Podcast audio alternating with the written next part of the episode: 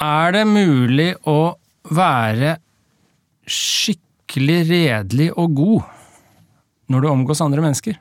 Det skal vi snakke om i dag, blant annet. Velkommen til Einar Duenger Bøhns filosofipod.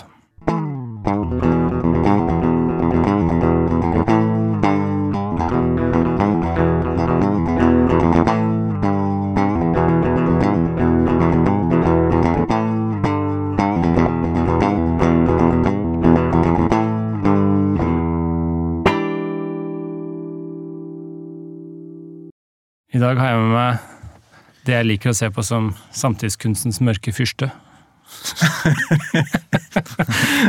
Ja, Er det noen som kan gjette hvem det er? Daniel Larsen, stemmer. velkommen. Lord of Dorkness. Takk skal du ha. Veldig hyggelig å være her. Eh, fin podkast. Klingende, catchy navn på podkasten din, så det er stas.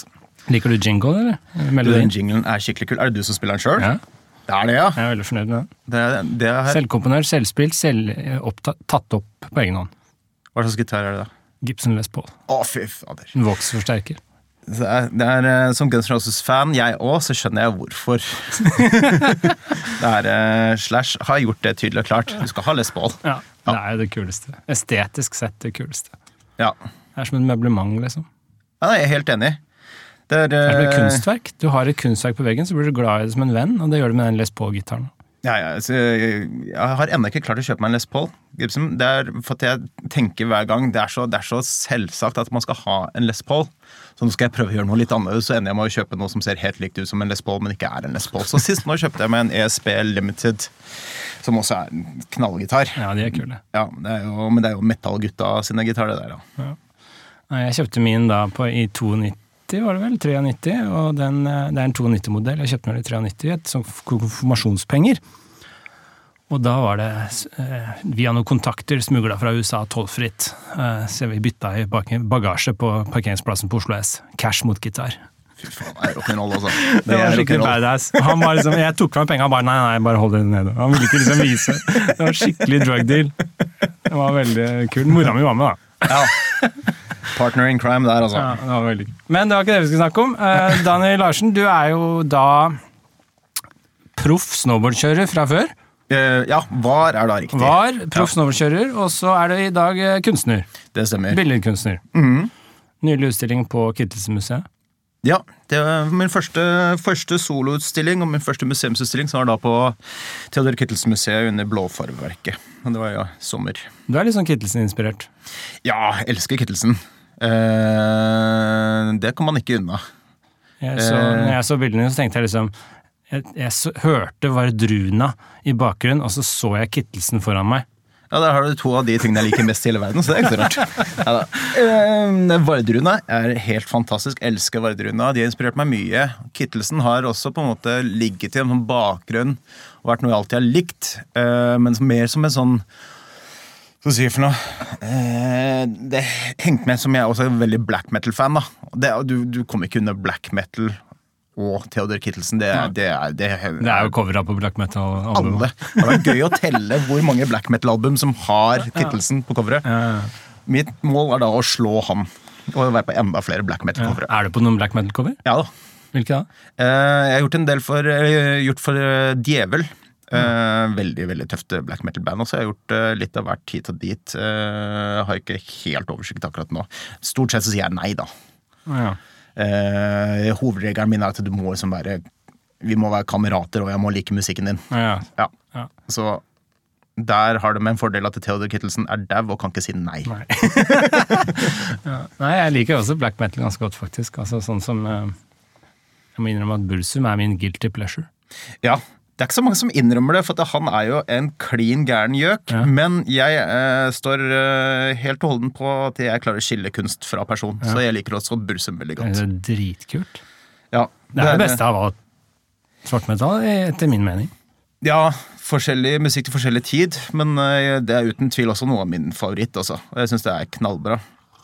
Det er litt sånn kjipt at man også må da komme med forbehold. Man må liksom si at det, Men jeg syns at han er en dust. Ja, ja. Men uh, er flere jeg syns ikke han er en dust. Jeg syns hans meninger er duste. Ja, ja, det er bra skille. Det er jo flere sånne, altså, som jeg leser Hamsun, jeg elsker Hamsun. Da er det også litt sånn Ja, ja, men han var jo nazist. Ja. Og så er det sånn, jeg elsker Bursum. Ja ja, men han er jo gæren.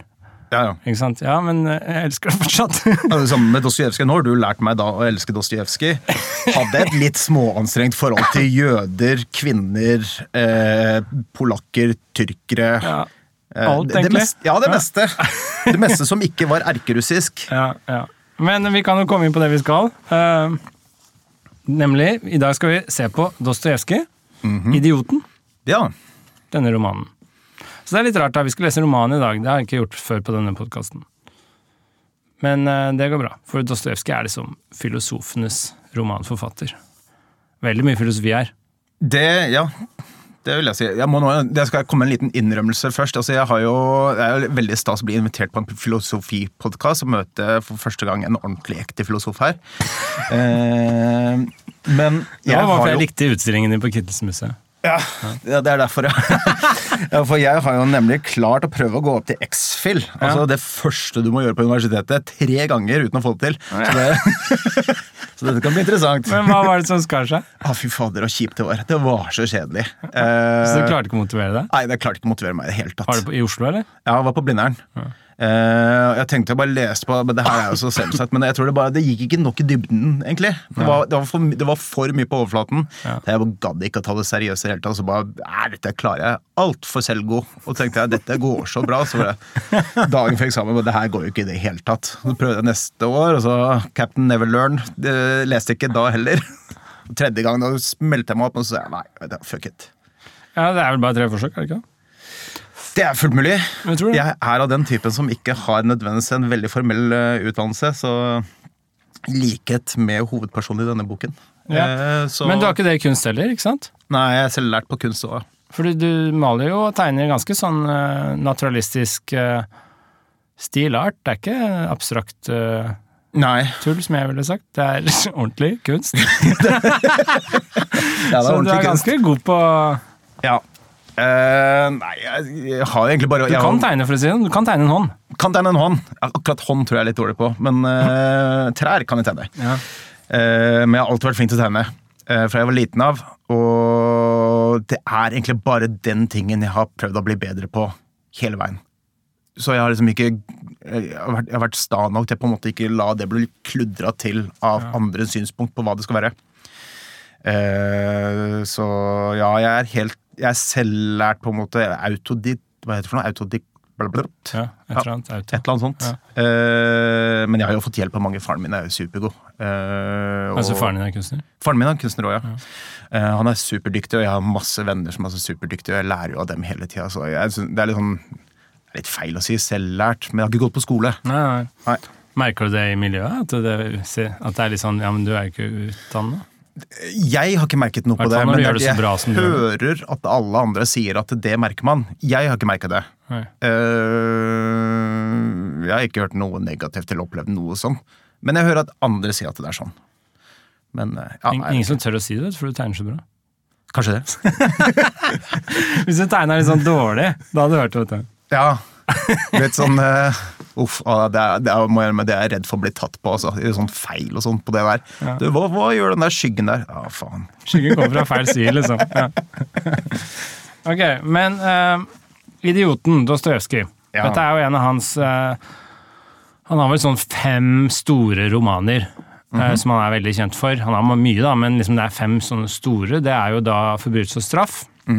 Det er 'Idioten', en ung manns historie. Det er 'Brødrene Karamazov', og det er 'De besatte'. Det er, det er vel de fem sånn største romanene. Eh, vi skal se, ta for oss 'Idioten'. Dette var en av hans egne favoritter, skjønte jeg. Ja, han jeg leste det, at dette er den han liker egentlig best. og Hele boka var vel egentlig et eksperiment, ettersom han ikke hadde noen videre plan for hvordan historien skulle utarte seg, men rett og slett bare se hvor den tok For den er litt rotete. Den er sjukt rotete. Nå har jeg lest den, jeg har seriøst lest den tre ganger nå. Jeg har ikke lest Dostojevskij før. Nei, så Hva er ditt forhold til dette her før? Fra før? Det var en som en av de der bøkene Eller det var en av de forfatterne jeg ville bare sette i bokhylla for å skryte at jeg liksom hadde lest den, uten at jeg egentlig hadde lest den. Uh, det, var liksom, det var noe jeg hadde lyst til å En eller annen gang skal jeg bli sånn kul nok til å lese Dostojevskij. Jeg prøvde meg på Tolstoy med 'Krig og fred' en gang. Det ga jeg opp med en gang. Eh, Men når du eh, inviterte meg til å lese denne, mm, denne boken, eh, det var da i november, eh, rundt når jeg fikk korona, eh, så fikk jeg tak i boken og begynte å lese det da. Uh, og nå, siden har jeg lest den da Jeg har lest den nå tre ganger, og fortsatt så er det visse ting i denne boken her som jeg klør meg litt i huet over for å skjønne hva er det som skjer. altså. Ja, det er det. Altså, helt enig. Eh, Jeg hadde, kan ikke huske at jeg har lest den før heller. Så jeg leste den nå for første gang i jula, jeg også, når vi avtalte det her. Mm. Og så i tillegg så gjorde jeg noe jeg aldri har gjort før. Jeg hørte Radioteatret på NRK med Idioten fra 60-tallet. Det var en av, Jeg hørte to forskjellige. eh, En av Brødrene Karamazov og en av Idioten. og Idiot, En av dem var fra 60-tallet, den andre fra 84. Jeg husker ikke hvem som var men godt gammeldags radioteater. Som var dramatisert hele boka. Det var helt fantastisk morsomt å, å uh, få det på toppen etter å ha lest den. Og så leste jeg det størstedelen av den om igjen etter det. Jeg gjorde faktisk litt motsatt. Jeg har hørt den først på lydbok på engelsk. Og så koste jeg meg med nesten som en sånn dessert av en bok etterpå ved å lese den på norsk. Det var ganske gøy. For jeg tenkte såpass at det er russisk eh, Jeg vet ikke hvordan oversettelsen for russisk er, så da tar jeg en råsjanse på at hvis jeg tar på en måte engelsk og norsk, så vil jeg få en ganske grei forståelse av hva du snakker om. Jeg legger merke til det er en del forskjeller på det, altså. Ja, ja, ja. Eh, Men det var ganske mye lettere, for da var jeg allerede Jeg visste hvordan man skulle uttale disse navnene og sånne type ting. Så det var litt lettere. Det er jo noen av de, sånn som Krig og fred, du nevnte av Tolstoy, den er jo bedre på engelsk enn på norsk. Ja, nå er det, ja. Den er helt fantastisk på engelsk. Veldig vakkert, liksom. Ja, jeg får prøve på det neste gang. Men det som slår meg nå, er at du har jo lest den her tre ganger. Denne kom du gjennom, da. X-Fill ga du ikke, men den her kom du gjennom. Ja, den her var mye bedre. Dostojevskij slår ekstra. Men er det noe med motivasjon nå? Du skjønte at du måtte hvis du skulle på den podkasten? Nei, jeg, jeg vet ikke. Det er vanskelig å svare for seg selv. på en måte. Det var jo når jeg var mye yngre. Da jeg skulle gjennom X-Fill. Eh, men det er veldig typisk meg å synes at jeg fuck dette. Altså, det er noe av det beste på skolen er jo rett og slett å si vet du dette gidder jeg ikke, og så driter jeg i ta eksamen. er noe av det beste jeg vet. Eh, men det her Jeg hadde oppriktig glede av å lese boken. Og jeg tror det er der det ligger mye i det. At det må på en måte den her, det, Dette var ikke så mye plikt som det X-Fill var. Ja, nei. Jeg er enig. Og så vokser den, den gjorde det på meg i hvert fall. Det- Boka vokser på meg. Ja. Altså når jeg leste den en gang, så var jeg litt sånn, her var det mye rot, og så hørte jeg Radioteatret, så syntes jeg det var litt artig, da. Og så leste jeg den en gang til, og så var det sånn, oi, det her sitter det mer og mer, og så hørte jeg litt det, jeg hørte slutten på lydbok faktisk i bilen på vei hjem fra Sørlandet her om dagen, bare et par dager siden, og det, er, det setter seg liksom mer og mer. Altså jo mer jeg leser den her, jo bedre blir den liksom, og det er ofte kvalitetstegn. Da skal du bare vente til du leser den for tredje gang. Så, ja. Men hva, bare kjapt hva boka handler om. Idioten, det er jo da fyrst Myshkin. Er det sånn du ville sagt òg? Uh, ja, eller Prince Myshkin, som de sier på engelsk. Prince Myshkin. Ja, det synes jeg det irriterte meg. Men du har lest den på norsk, eller? Eh, Den fysiske utgaven jeg har foran meg her, den er på norsk. Ja. Ja. Fyrst Myshkin. Myshkin er liksom hovedpersonen. Det er han som liksom kalles idioten. Og kjapt fortalt så er det jo da egentlig Myshkin er denne karakteren som har epilepsi, har vært i Sveits på opphold for en del eh, for epilepsi blant annet, og er på vei hjem til Petersburg, tilbake til Russland, og, og skal oppsøke noen gamle slektninger. Han har noen penger. Så kommer han inn til dette sosietetssamfunnet i Petersburg, og han er en genuint ærlig og god person. Så alt han gjør er ærlig, han sier ærlige ting, han ljuger ikke, han tuller ikke. Uh, spiller ikke bort penga sine, han er liksom, han er ærlig uh, og redelig og god. Han vil bare godt. Og så er alle andre rundt han sånn halvgærne. Ja, halvgærne er godt. Det, det var snilt sagt i så fall.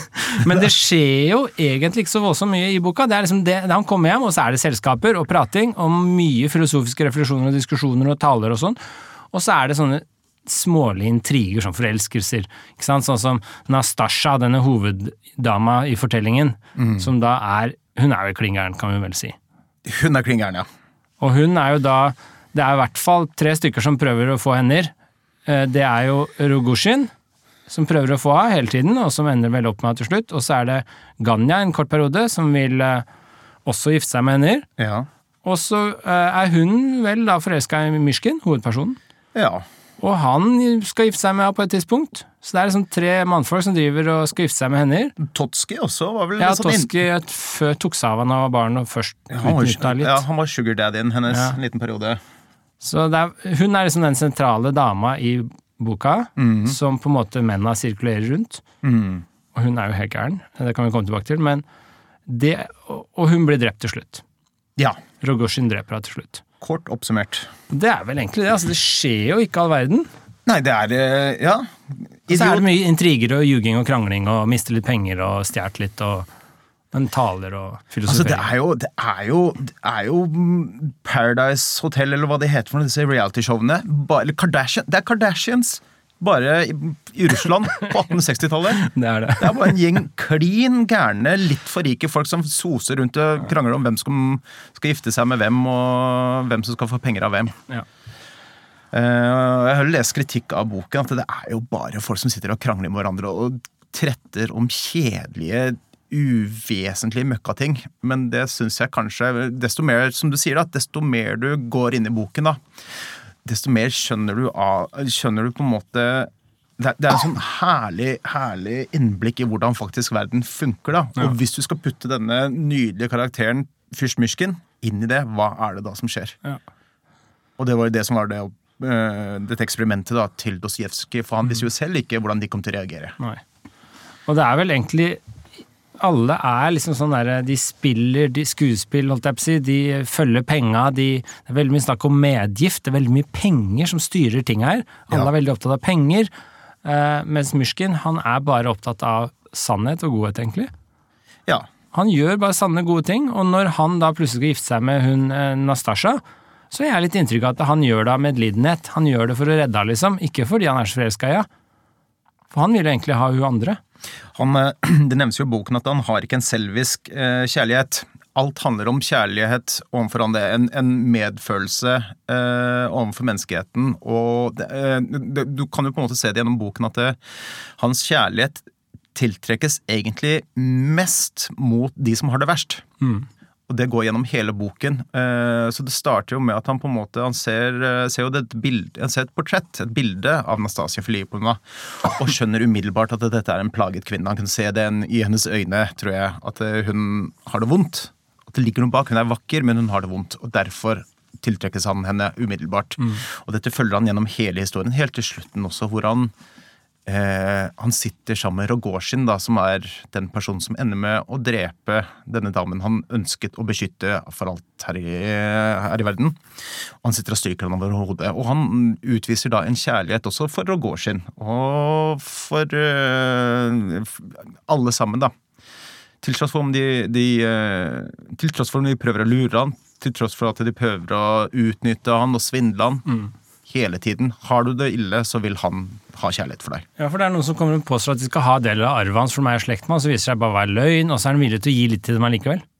Ja, Liksom. Det er sånn kremeksempel. Han bare Ja, det er akkurat det. Selv når han- blir lurt, så ønsker han å være snill mot dem. Eh, Det ligger selvfølgelig mer bak, eh, men det er da en side ved det som ikke de selv skjønner. Ja. Eh, Så han er et veldig herlig menneske. Det var jo det, han har blitt forklart som en uh, Dostojevskijs syn på hva Det er på en måte en russisk ortodoks Jesus ja. som kommer og møter samfunnet, dagens samfunn. da. Det er jo et par steder eh, i boka hvor eh, folk sitter og snakker med han, så sier de liksom at eh, et sted i hvert fall så sier han ene ja, jeg pleide å hate deg når jeg ikke ser deg, irritere meg over deg og sånn, men når jeg sitter her med deg nå, så er det bare helt fantastisk. Så alle blir så betatt av han når de er nær han. Ja. Det er også liksom fascinerende trekk. Altså, på toget i begynnelsen i åpningsscenen, folk blir bare sånn derre genuint godt, god, godt humør egentlig av å omgås han. Eh, Men så blir de også irriterte, for han er jo litt tafatt, og det han, han er, jeg vet ikke, han er litt sånn Jeg syns ikke det er noe veldig sånn trøkken, egentlig. Nei, han er vel litt sånn intetsigende, syns du ikke det? Jo, jeg syns han er litt sånn tafatt, rett og slett. Han bare sitter der litt, og så plutselig skal han gifte seg med hun, og så plutselig er det litt sånn Skjerp deg, mann, liksom. Kom, gjør noe ut av livet ditt. Altså, men han, eh, han er liksom bare genuint god, da. Ja, det er nesten jeg lurer på Jeg lurer veldig på hvordan jeg hadde reagert hvis jeg hadde møtt ham. Hvordan tror du, hvis du hadde møtt på en sånn type, tror du at du hadde som, vært i stand til å, å, å være glad i han umiddelbart? Nei. tror jeg ikke. Jeg tror, jeg, jeg tror han hadde irritert meg òg. Jeg tror ikke jeg har det for noen, jeg.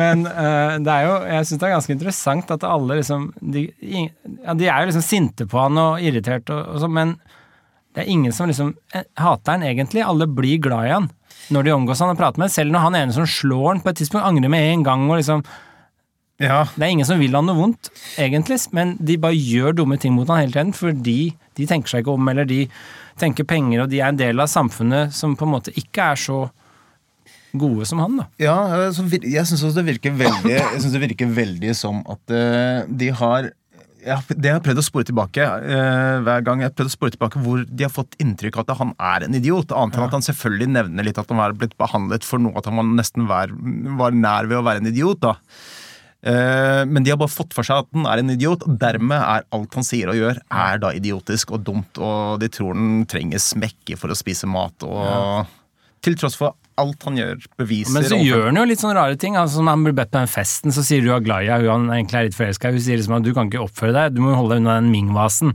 Husker du den scenen? Og så blir han dritstressa, han må holde seg unna den Ming-vasen, han vifter med hendene når hun prater, så han er så redd for å knuse den. Og så sier hun du må holde deg langt unna den, og da blir han dritstressa, og så ender han jo opp med å knuse den. Ja, Fordi han blir ivrig og gestikulerer. Så han gjør jo litt sånn dumme ting hele tiden. Han er litt sånn idiot, egentlig. Men, Ja, ja, ja. men det er liksom så uskyldig. ja, det er akkurat det. Uh, nei, jeg syns ja, han gjør mye, Det er mye klønete han gjør hele tida. Det, uh, eh, det, det er tydelig at han ikke er vant til å omgås i dette selskapet. da. Han forstår ikke reglene for det, det samfunnet han nå plutselig er i. Eh, og det er jo ganske interessant, egentlig, hele opplegget, hvordan det funker. Men det jeg har tenkt mye på med denne boken, er Jeg syns jo at denne boken her kunne jo like godt være skrevet nå i dag. Har du tenkt noe over det òg? Altså, likheten mellom vårt samfunn nå og da?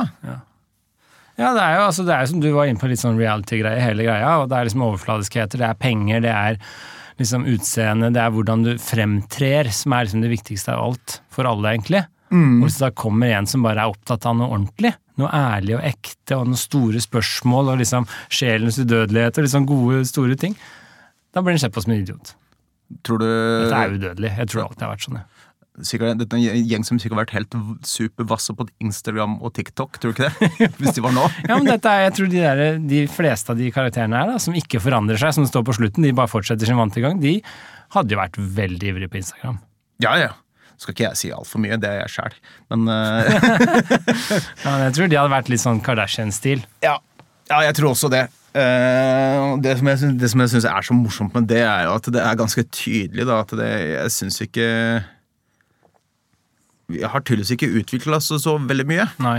Eh, til tross for at disse menneskene her mener at de er de mest moderne og mest oppegående, og det beste som er å, å, å finne av eh, menneskeheten da, opp til da.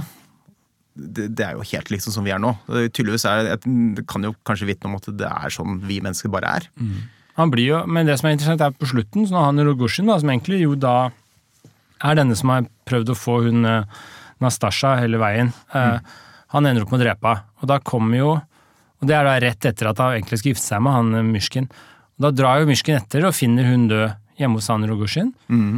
Og de sluttscenene, der, er jo han Der viser han også liksom Der er jo på en måte Rogosjin og Myrskin aldri De har jo aldri vært så nære og så gode mot hverandre som akkurat den, de sluttscenene etter at Rogosjin har drept Nei, sant. Ja, Så igjen så viser han liksom den gigantiske storheten ved at han, han klikker liksom ikke da på Rogosjin for han har drept Nastasja, men han blir liksom stryker han til og med på kinnet. Altså han tar seg av han nesten. Ja. Men så går det jo ikke bra, han blir jo gal selv til slutt. Han, Han drar tilbake til Sveits på sanatorium.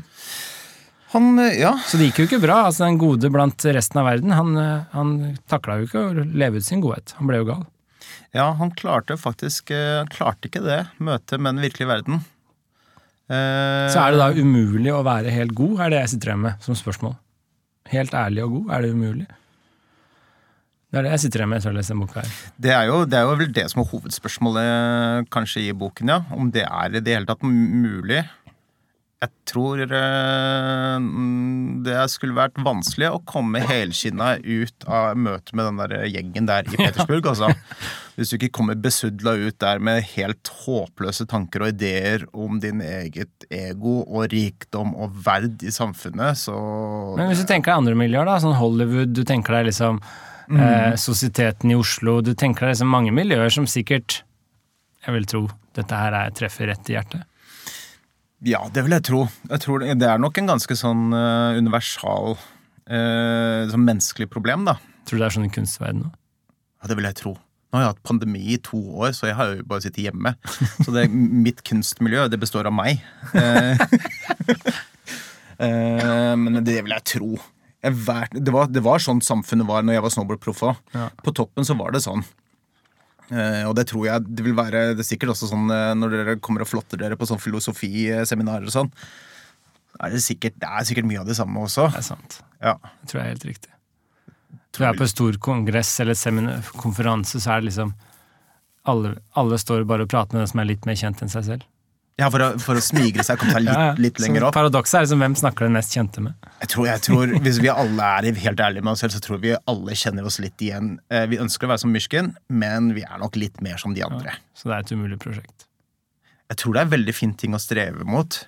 Jeg tror Det er veldig, det som jeg syns er veldig spennende med den boken, her, som jeg liker veldig godt, er at uh, Som sagt, den der, jeg syns det ser ut som um, jeg, jeg, jeg, jeg, får bare en følelse av at det, ok, vi er det samme. Det, er, det foregår det samme hele tida. Liksom, gjennom boken her så, så, anser de at de er de mest liberale og nytenkende menneskene i hele verden. Og nå er vi i framtiden, alt mulig rart. Uh, mens det de bryr seg om, egentlig er på sin egen sosiale status. Og det er mye av det jeg ser også i samfunnet om. alle de som de driver jo og maser om kvinne... Hva er det for noe? Kvinnespørsmålet. Ja, kvinnesaken. Som, kvinnesaksspørsmålet. Jeg har prøvd å lese opp hva de mener nøyaktig med det, for det er det ingen av dem som definerer noen ja. gang.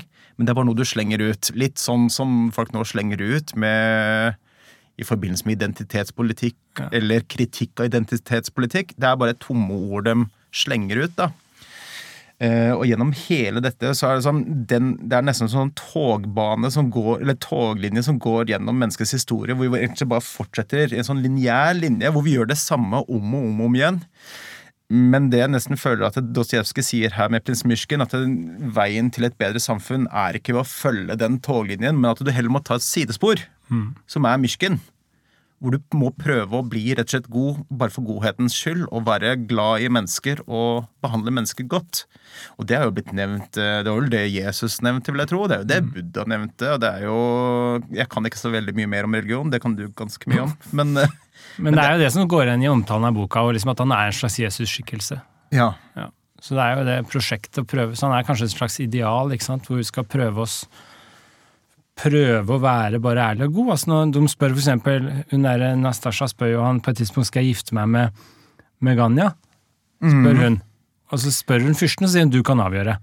Ja, riktig, under bursdagen sin, ja. Ja, Så sier han bare nei, du bør ikke det.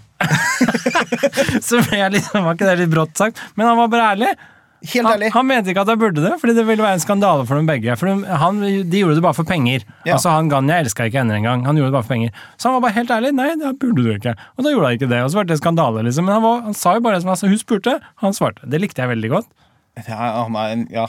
Er, han, er, ja, han er helt ærlig. Det er ingen baktanke bak noen ting, men det er jo det som forvirrer alle sammen. At det ikke er noe baktanke bak det.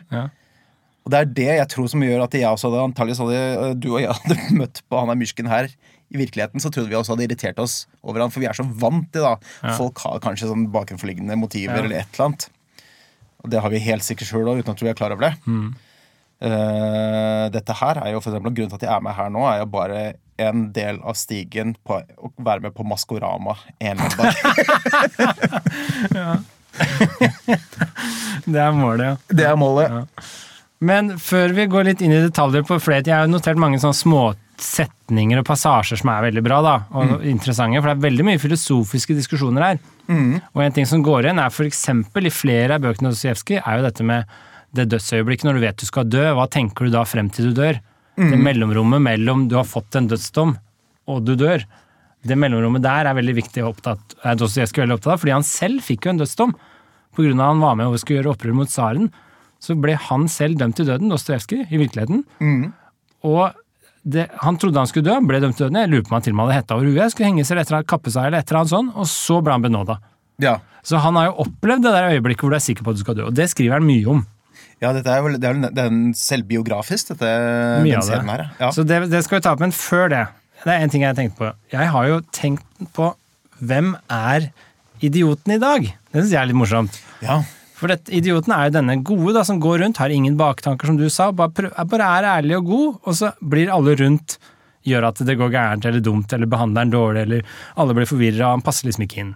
Hvem er det? Jeg har et veldig godt eksempel. ja. Det nærmeste jeg kommer fram til, det er eh, Jeg syns han minner mye om Forrest Gump. Forrest Gump, ja. Ja. Jeg hoster litt her, fordi jeg Ja, ja. Hvorfor?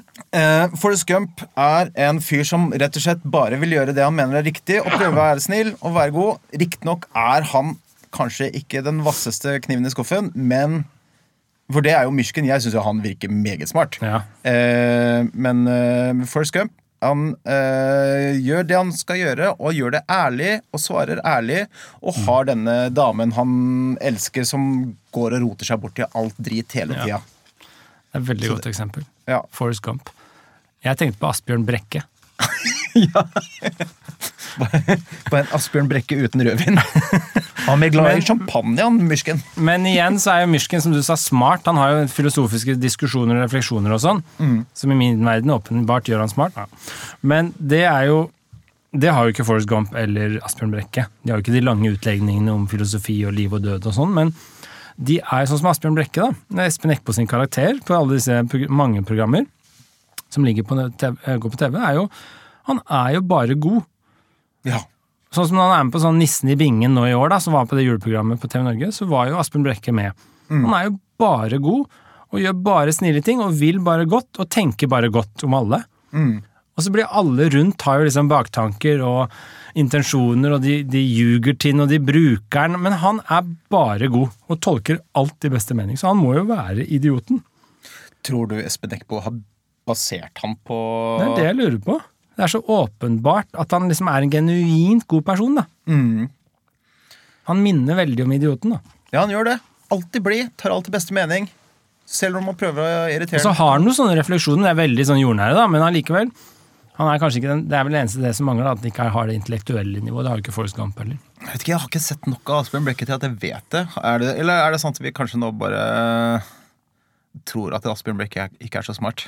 Nei, det kan han er smart, bare at det er vi som er de forvirra utafor. Ja. For vi tror smart er sånn og sånn. Ja, Så er det Asbjørn Blekke som egentlig er mye smartere enn oss, fordi han er bare god. Han har skjønt det. det er akkurat det. Han kommer ikke med på Maskorama vet, hvis han skal holde på sånn. Så, men det er litt sånn artige eksempler da, på, på, disse, på karakteren, da. Syns jeg, da. Men eh, vi kan se på noen spesifikke temaer, da. Mm. Um, er det noen du har umiddelbart lyst til å lese først, eller skal jeg ta en? Vet du hva, jeg, har, eh, jeg hadde litt sånn noia når jeg skulle komme hit først. Eh, så jeg har jo Hvor mange Post-It-lapper tror du at jeg har i denne boka mi her nå? Jeg føler du har gjort eh, hjemmeleksa di godt. Ja, det, la, la oss si 30-40 Post-It-lapper, og jeg har null system om hva det står. Eh, Men kan ikke jeg lese et litt lenger? Det er to litt sånn lengre passasjer jeg, som jeg har lyst til å lese. ja. Da kan jeg lese det ene først, da. Så kan du tenke på imens hva du har lyst til å lese. Fordi dette er jo Dette er jo da en, eh, en del som handler Det er litt langt, da. Det er en, si, en og en halv side. Er vi klarer det? Ja, ja, ja. For dette er jo da en fortelling fra Det er da uh, Myrskin som prater og forteller, uh, og har en lang utlegning om denne når du, altså Det er jo det som vi sa tidligere, går igjen når du får dødsdommen. Når du vet du skal dø, eller når du vet du skal At det er slutt. Hva tenker og gjør du, og hvorfor akkurat de siste minuttene? Eh, og det går igjen mange steder. Her er det en litt lengre passasje som er, jeg synes var veldig både fin og interessant. da. Så tar vi den. Med hensyn til, Dette er da Myrskin som prater. Med hensyn til livet i fengselet kan vel meningene være delte, sa fyrsten. Jeg hørte en gang en mann som hadde sittet i fengsel i tolv år, en av pasientene hos min professor. Han hadde anfall og ble ofte grepet av uro, han gråt og forsøkte ta, til og med å ta livet av seg. Livet i fengselet var meget trist, og det kunne ikke utmyntes i Kopek, det kan jeg forsikre dem. Altså penger. Hans eneste bekjentskap var en edderkopp og et lite tre som vokste utenfor vinduet. Men la meg heller fortelle dem om et annet menneske som jeg møtte i fjor. Denne manns skjebne var meget eiendommelig, han hadde opplevd noe som hører sjeldenhetene til. Mannen ble sammen med en del andre ført opp på skafottet. Han fikk seg opplest dødsdommen, at han skulle skytes for en politisk forbrytelse. Dette er jo det akkurat det Dostojevskij også Skulle i virkeligheten, ikke sant? Mm, ja, dette skjedde med han. 20 minutter senere ble benådningen lest opp for ham. Han skulle få en mildere straff. Men den tiden som gikk mellom de to dommene, 20 minutter eller i det minste et kvarter, hadde han tilbrakt i den faste overbevisning om at han om noen minutter skulle dø. Jeg ville forferdelig gjerne høre på ham når han fortalte om sine inntrykk fra den gang, og noen ganger begynte jeg å spørre ham ut. Alt sammen sto usedvanlig klart for ham, han sa at han aldri ville glemme noe fra disse minuttene. 20 skritt fra skafottet var det slått ned tre perler, per, peler, per, perler, peler, Pinner. pinner, stolper, da det var flere som skulle henrettes. Rundt omkring sto soldater og folk som gjerne ville se på. De tre første ble ført frem og bundet til pælene, og dødsskjortene, lange hvite kitler, ble trukket av dem. De fikk hvite hetter over øynene for at de ikke skulle se geværene. Deretter ble en avdeling soldater stilt opp foran hver pæl. Min bekjent var nummer åtte i rekka og skulle altså føres til pelen i tredje omgang. En prest gikk rundt og velsignet hver en av dem med korset. Han hadde altså fem minutter igjen å leve, ikke mer. Han sa at disse fem minuttene var som en evighet, en ufattelig rikdom. Han syntes at han på disse fem minuttene skulle få gjennomleve så mange liv at han ikke fikk tid til å tenke på sitt siste øyeblikk. Han hadde jo så mye å bruke tiden til.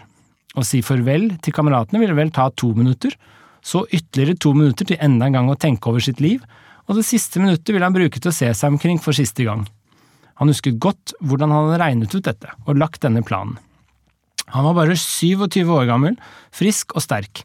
Da han tok avskjed med kameratene, husket han at han hadde kommet med en temmelig uvesentlig spørsmål til en av dem, og at han til og med hadde ventet med spenning på svaret. Deretter, da han hadde tatt avskjed med sine kamerater, kom de to minuttene han ville bruke til å tenke på seg. Han visste på forhånd hva han ville tenke på, hele tiden ville han ha for øye så skarpt og så kort som, fort som mulig at nå levde han, men om tre minutter vil han allerede være et annet sted, et eller annet, Vil han allerede være et eller annet, noe eller noe, men hvem og hvor? Alt dette vil han avgjøre på disse to minuttene. Like i nærheten lå en kirke, den forgylte kuppelen strålte i det klare sollyset, Han husket at han hårnakket hadde stirret på denne kuppelen og på strålene som kom fra den. Han kunne ikke løsrive seg fra disse strålene, det forekom han at disse strålene var hans nye natur, at han om tre minutter på en eller annen måte ville flyte sammen med dem. Det ukjente og frastøtende ved dette nye som snart skulle komme, virket forferdende på ham, men han sa at det tyngste av alt var den ustanselige tanke. Hva nå om jeg ikke skulle dø? Hva nå om jeg skulle få livet tilbake, for en uendelighet? Og alt dette skulle bli mitt, hvert minutt ville jeg da gjøre til et århundre, ikke noe ville jeg da la gå tapt, hvert minutt ville jeg gjøre regnskap for, ikke noe ville jeg da ødsle bort. Han fortalte at denne tanken til sist var blitt et så brennende spørsmål at han bare ønsket at de ville skyte han med en gang. Fyrsten tidde med ett, alle ventet han skulle fortsette, og komme med en avslutning. Er de ferdig? spurte Aglaya. Hva? Ja, jeg er ferdig, sa fyrsten og våknet fra sine tanker. Hvorfor har du fortalt oss dette? Jo, det falt meg liksom inn, vi satt jo og snakket. Det er jo helt fantastisk. Altså, det er jo, det er jo Dostojevskij på sitt beste. Dette faren min fortalte meg om før jeg begynte å lese Dostojevskij. Han hadde lest litt av det, han fortalte at det er helt vanvittig hvordan denne mannen klarer, deg, klarer å rive deg med i historien. Ja. Hvordan det føles så ekte. da, At du Ja. følger med. Og dette er jo da selvopplevd også, til dels, så han vet jo virkelig hva han skriver om her. Ja. Du står der, liksom, du har noen minutter igjen. Det er bare det at du ser på noe, noen lysstråler, du legger merke til noe du aldri har lagt merke til. Mm. Og du vil bare holde på det, liksom, du vil bare se og erkjenne og føle verden på en helt annen måte da, enn når du bare går i din vante daglige gang. Ja, og det han nevner også, er jo det at det, hvor Han syns kanskje det verste med å bli dømt til døden er av, av noe sånt, er jo det at du faktisk vet at du skal dø. Eh, at det er ikke noen vei ut. Skulle du bli hva han sammenligner med, skulle du bli knivstukket i skauen av en gærning eller en øksemorder, eller noe i den du, så har du i hvert fall den evige, det evige håp om at du kanskje kan klare å slippe unna. Ja. Men når du blir dømt til noe sånt, det er liksom den verste tortur du kan gå igjennom. Det å bare vite at du det er, Saken er biff. Ja. Jeg tenker på dødsdømte og sånn, sånn som sitter på death row i USA. liksom Sitter de der i 15 år Ja. før det skjer noe, og vet de skal dø. Der har de igjen da, den der mulighet, muligheten for at de kan jo bli frikjent.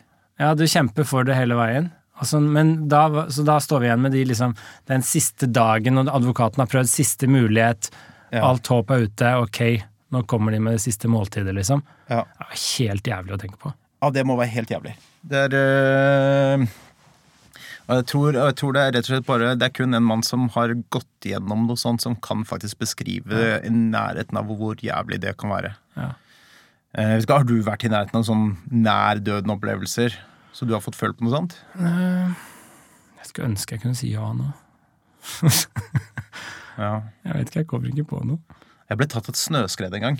Å shit, det er sånn nær døden. Får ikke puste. ja, øh, det, men det gikk ikke opp for meg. Jeg, jeg fikk så panikk som overlevelsesinstinkt at jeg, jeg kom meg ut mens det fortsatt gikk. da Jeg hadde en, en forbanna stoner som sto overfor, og som skulle liksom være min safety. da Eh, Men han var jo så stein at han visste jo ikke omtrent om han var på et fjell eller på stranda. Så det var ikke så mye hjelp i han. Men jeg klarte å komme meg ut av uh, Ja, var du på snowboard? Ja, Det var på snowboard, ja. Så Du kjørte unna, liksom? Uh, Jeg ble tatt av det. Jeg ble begravd mens det gikk, men jeg klarte å svømme ut av det mens det gikk, da. Eh, Så mens det foregikk, så fikk jeg ikke noen mulighet til å eh, til å tenke over noen sånne type ting, men idet jeg faktisk kom meg ut og så hele det forbanna skredet bare fortsetter nedover sida og stopper eh, og jeg var ute av det, da var det, det Du får en sånn eksepsjonell kjærlighet for livet og det, det er helt vilt, den derre Jeg skal bare Nå, nå skal jeg, jeg skal elske alt og hele livet, og det, alt er bra. Ja. ja for det er jo de som blir Du kan tenke deg liksom hvis du blir sittende fast i snøskredet, Å, fy faen. og så var det mørkt, og så var du fortsatt i live, Ja. så visste du ikke om du lå fem meter under eller fem centimeter under. Opp eller ned eller Ja. ja. Og så bare ligger du der. Og så, jeg har lest om noen sånne tilfeller hvor du begynner å spise snø for å få litt pusterom. ikke sant? Altså, Ja. Litt sånne ting, men det høres jo helt jævlig ut. Men jeg tror også da den vissheten også, at det her, du har ikke noe sjanse til å komme deg unna. Det er igjen, du har håp om Ja. at du skal bli reddet, du skal komme og hjelpe deg. Eh, Men akkurat her, det er Dostojevskij, og den ja, han refererer til her, her vet man at det er Men de kommer jo nå, da. Ja, de gjorde jo det! Det er jo fortsatt et håp da. Ja. Men det er kanskje det er når, jo mer det skrumper inn, jo verre blir det bare. Ikke sant? Altså Jo mindre håp du har, jo verre, mer panikk liksom får man, eller jo mer resignert blir man kanskje. eller Det varierer også litt, sikkert. Det varierer helt sikkert, for det er, jo, det er jo også de Jeg vil jo tro at det finnes de som også bare rett og slett eh, Ja ja, dette var det. Ja. Eh, Men jeg tror det fortsatt er den der subjektive opplevelsen av frykt som er den verste ved dette. da. Eh, Og det er da mangel på håp som er kanskje den verste Ja. siden av det. Eh, Det er litt sånn undervurdert, spør du meg, det der med håp. Det kommer jo opp her flere ganger i boka òg, at det der med håpet er litt sånn undervurdert som sånn fenomen. Altså Jeg skriver mye om meningen med liv og sånne ting, og er det, det er jo håp som må være til stede for at du skal kunne oppleve progresjon og fremskritt og, og mening, og at det skjer noe, at det er del av noe større, og at det er forbedringspotensial og alt dette. Det må være et håp til. Og håpet er liksom basert på at du er ikke sikker på at det ikke blir sånn. Hvis du er helt sikker på at noe blir sånn, hvis du vet at sånn blir det, så har du ikke noe håp om det motsatte. Men hvis du bare tror veldig sterkt at det blir sånn, men du er ikke helt sikker, Ja. da kan det ha håp om det motsatte. Det er som altså Usikkerheten må være en del av det. Ja, så håpet, det forutsetter Håp som struktur, da, er jo ofte fremoverrettet. Ja. Så du håper ikke at fortiden var annerledes. Du Nei. håper at fremtiden blir sånn og sånn. Så den er hele tiden foroverrettet. Eh, Men du kunne ønske at fortiden var annerledes. Det er noe annet. For det er en såkalt kontrafaktisk. Altså du, jeg skulle ønske at andre verdenskrig aldri skjedde. Det går an å si. Men du kan ikke si jeg håper andre verdenskrig aldri skjedde. Da håper du egentlig bare at det vi vet, egentlig er feil. Så det er alltid et rom for tvil der. Men den er som regel retta fremover, og det håpet må ha tvil. Altså, jeg vet at sola står opp i morgen, for eksempel. Det er jeg ganske sikker på. Ja. Og i den grad jeg har tvil i det, så går det kanskje an å håpe, men den er så liten at det er ikke mye rom for å håpe at sola ikke står opp i morgen, for eksempel. Jeg kan ikke håpe at to pluss to er fem, for eksempel. For jeg vet at det er fire. Ja. Men jeg kan håpe at denne podkasten her går bra. Jeg kan håpe at det, liksom, du ikke har fått parkeringsbot etterpå. Jeg kan håpe at det går bra med ungene mine, fordi jeg vet ikke ordentlig hvordan det går. Nei, det er den usikkerheten, ja. Så det må være usikkerhet. Der skal det være håp. Og det er kanskje det, ikke sant? når du har fått den hetta over huet, og du hører liksom metallet glir nedover giljetongen, så er det ikke så mye igjen. Hva tenker du Hæ? Giljotinen. Giljotinen. Hva er det jeg sa? G-strengen, tang og trusa, et eller annet. Ta- Tang i tungen. Ja, men uh, giljotinen, er en franskmann som har funnet opp elga. Ja. Men når eh, den sklir nedover, da, liksom, da er det ikke så mye rom for tvil lenger. Nei. Hva tenker du da, liksom?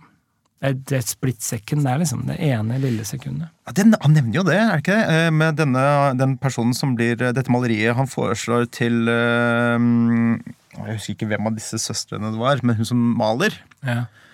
Eh, at hun skal male da denne dødsdømte som blir ført opp til eh, giljotinen, eller uh, giljotongen, tror jeg du kalte det.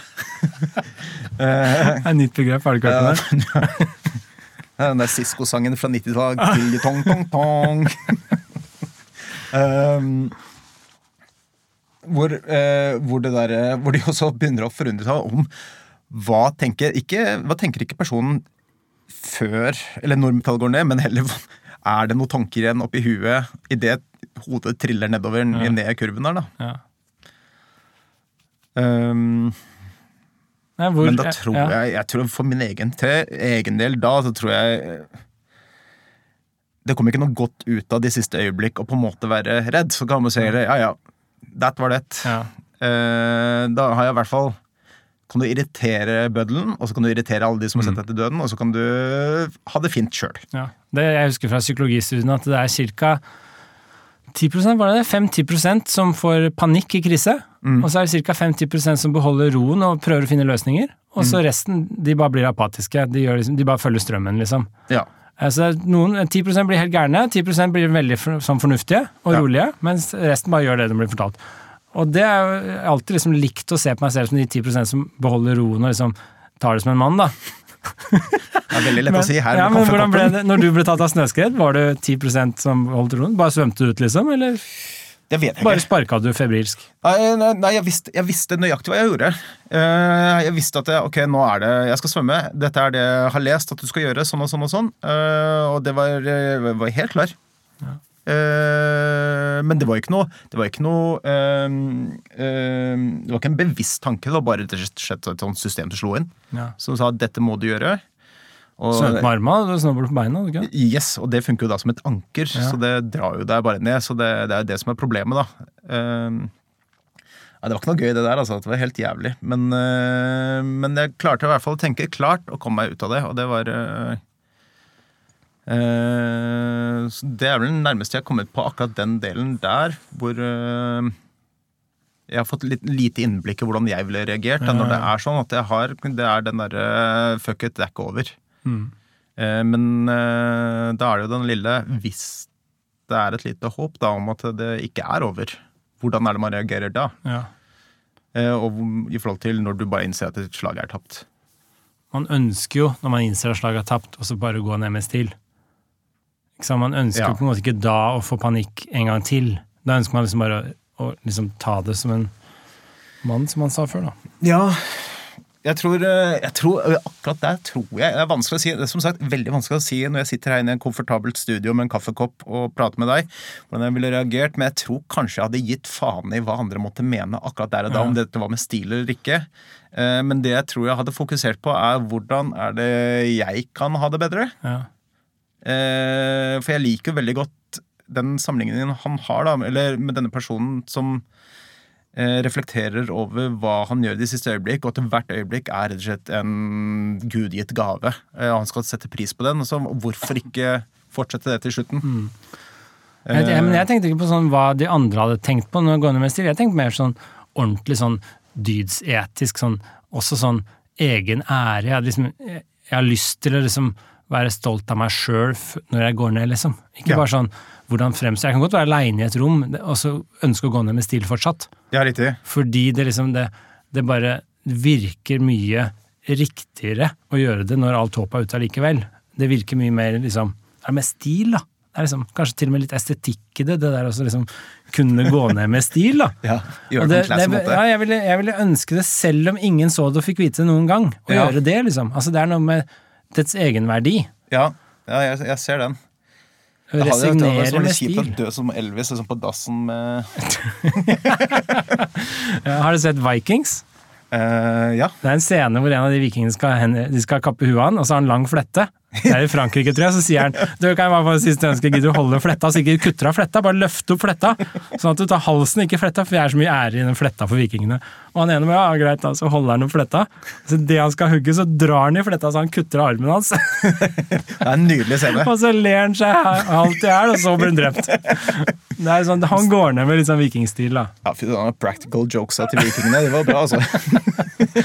Så det er, ja. Men jeg vet ikke. Det er jo lettere sagt enn gjort, selvfølgelig. Altså, folk reagerer jo, og du har jo ikke kontroll i sånne tilfeller. Nei. Selvkontrollen på samme måte, så det er kanskje der instinktet kicker inn, og folk har litt forskjellig instinkt.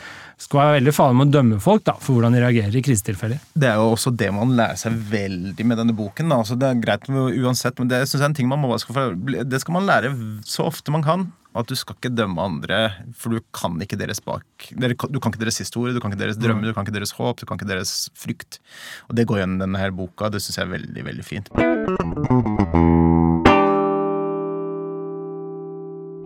Men det, apropos før vi går videre med det, har du tenkt over også da hvordan en av de andre karakterene Det er, det er, sånn, det er en sånn håndfull karakterer her, og en av dem er eh, Hippolyt. Ja. Som er da en eh, 18 år gammel gutt. 17, tror jeg. Ja, 17-18 år, et eller annet sånt. Og han lider jo da av tæringssjuke, som jeg har lest meg fram på Wik- Wikipedia er tuberkulose. Ja. Og han dør, skal dø snart. Er i hvert fall veldig overbevist om det. da. Så han er overbevist om at han også har fått denne, Ja. opplest denne dødsdommen. Han tar en helt annen eh, løsning på dette. Han skal ta livet av seg, han. Han skal ta livet av seg. Mm. Og det er i stedet for å sette pris på de siste øyeblikkene Han drar jo til og med faktisk ut i et sånn eh, lite sånn eh, feriekoloni utenfor St. Petersburg som heter mm. Pavlovsk, er ikke det? Mm. Eh, for å nyte syden av trærne og sånn. Man glemmer det, da. Eh, I stedet så gjør han det på en måte til en stor sak og på en måte eh, være, eh, få en minneverdig og ærerik død. Mm. Og det måten han løser det på, er rett og slett at han skal prøve å ta livet av seg sjøl. Eh, Men det som er interessant, er at han har mye lengre tid, da. ja. Så han som skal kuttes huet, har bare et par minutter. Mm. Så han vil bare liksom se siste lysstrålen og liksom ta en siste blikk, han. Siste minuttet. Ja. Det blir jo litt meningsløst å prøve å ta livet av seg hvis du bare har fire minutter igjen. Da er det ikke, ikke noe vits å kutte ned på det, liksom. Mens han her, Hippolyt, har jo flere måneder. Han har en måned. To, Par tre- uker. to, to-tre uker. Ja. To uker tror jeg han sier. på En måned sier han ene, og så er det to-tre uker på den andre.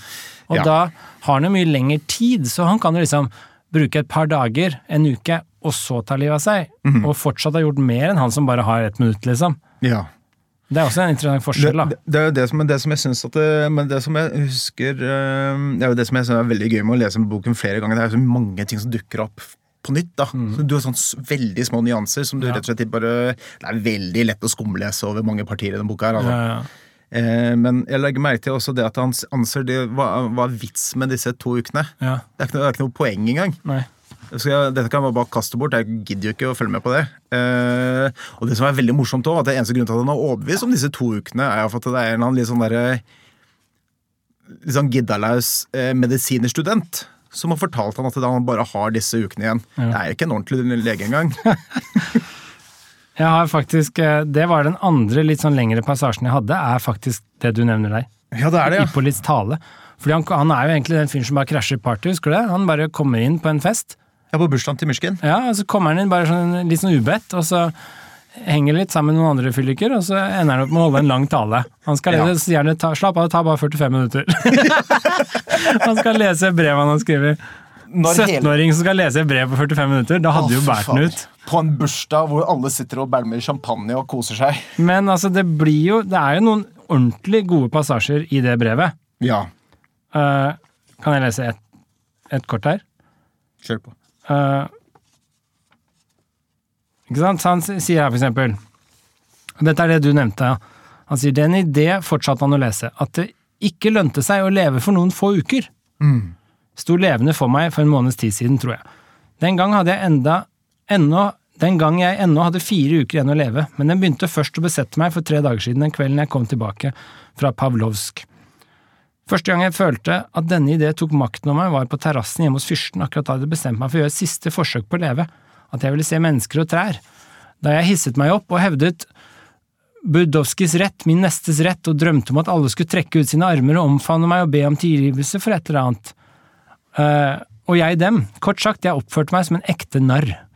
Det var nettopp i disse timer at en siste overbevisning dukket opp hos meg. Nå er jeg faktisk forbauset over at jeg kunne leve uten denne overbevisningen i seks måneder. Jeg visste jo med sikkerhet at jeg var dødssyk av tæring. Jeg gjorde ikke noe forsøk på å bedra meg selv, og innså hele situasjonen klart og tydelig. Men jo mer jeg ble klar over min stilling, desto mer lengtet jeg etter å leve. Jeg klamret meg fast i livet og ville leve for enhver pris. Og nå begynner det å bli ganske stille her, nå sier han. Jeg innrømmer at jeg den gang kunne rase over min blinde og mørke skjebne som gjorde seg klar til å knuse meg som en flue, uten at jeg visste hvorfor.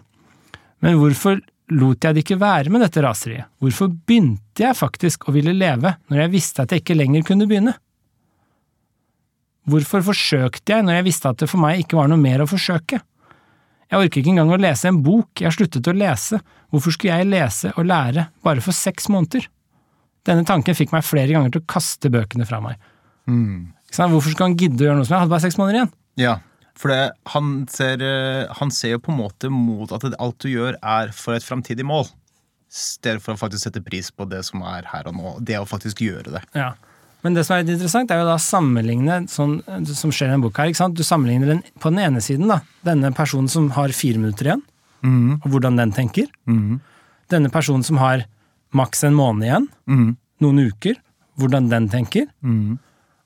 Og oss, alle oss andre, som jo har noen år. Vi skal jo alle dø, liksom. Ja. Så det er jo egentlig bare en kvantitetsforskjell her. En antall en tidsforskjell er jo ikke noe kvalitetsforskjell. Vi skal alle dø. Alle Ja. vet det. Alle har en dødsdom. Så jeg og du har også en dødsdom, vi vet bare ikke når den fullbyrdes. ja. Men disse her vet sånn cirka om Ja. tre uker, og han andre vet helt sikkert om et par minutter. Og det gjør jo ganske tydelig for oss at vi behandler også den derre øh, Sett deg selv i den settingen, settingen da, at du har den dødsdømtes situasjon, eller at du har Ippolits situasjon. For det er begge de to er jo ganske sånn naturlige måter å reagere på, egentlig, men du kan jo faktisk velge da selv hvordan du skal behandle det, og det er faktisk da hver dag, da, som da Myrsken faktisk er ganske god på. Ja. Myrsken lever litt sånn som om det var siste dag hver dag. Han er, eh, for å putte det veldig sånn gammeldagsmoderne gammeldags, moderne uttrykk, det er jo da mindfulness han driver med. Eh, og setter, Leve i nuet, liksom. Leve i nuet, ja. Ja. Eh, setter pris på litt av hvert. Hvis noen spør deg om noe, svar ærlig som du ville akkurat her nå, som om det ikke var noe i morgen. Helt riktig. Men ikke planlegg med en intensjon om hva du kan få ut av det i morgen.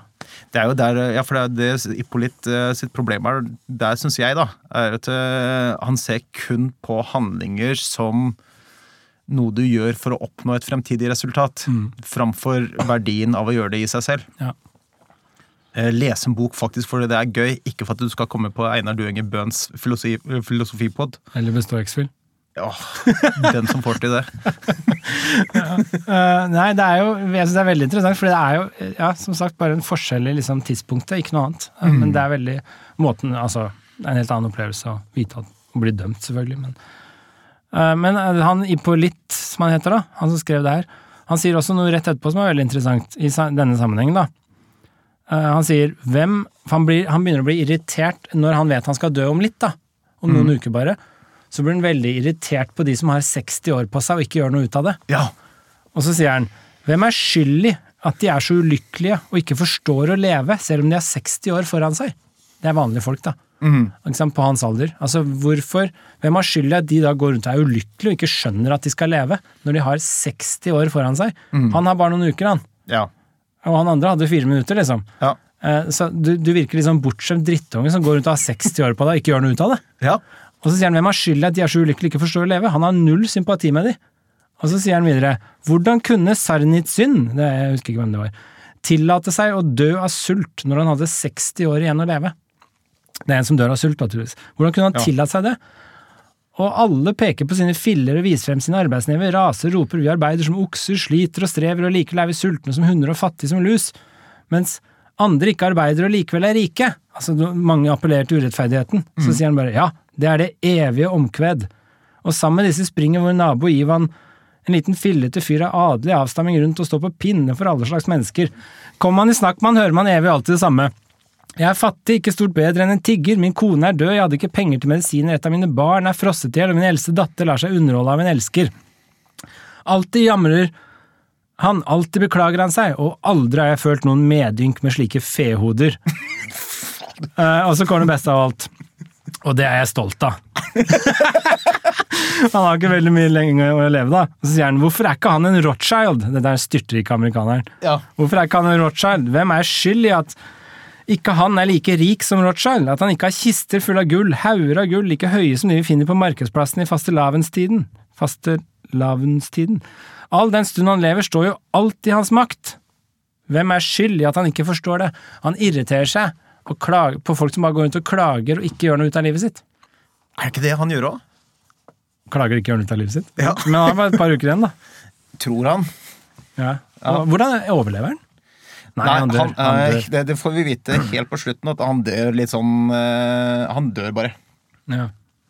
Men av tæring, eller var det løgn? Ja, nei, av tæring, ja. Ja, ja. ja.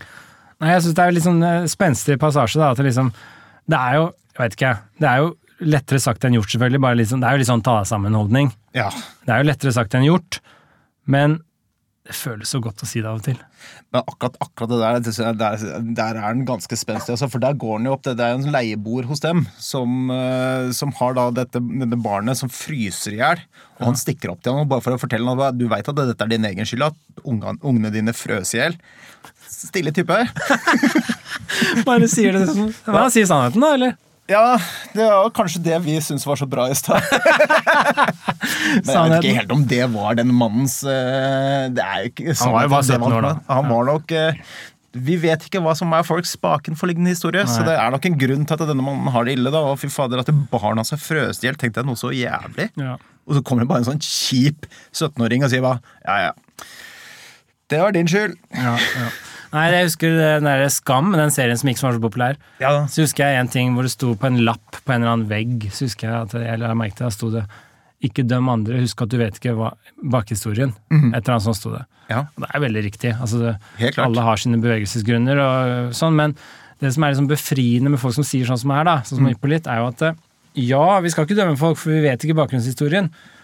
Men nei, bakgrunnshistorie unnskylder ikke alt. Nei.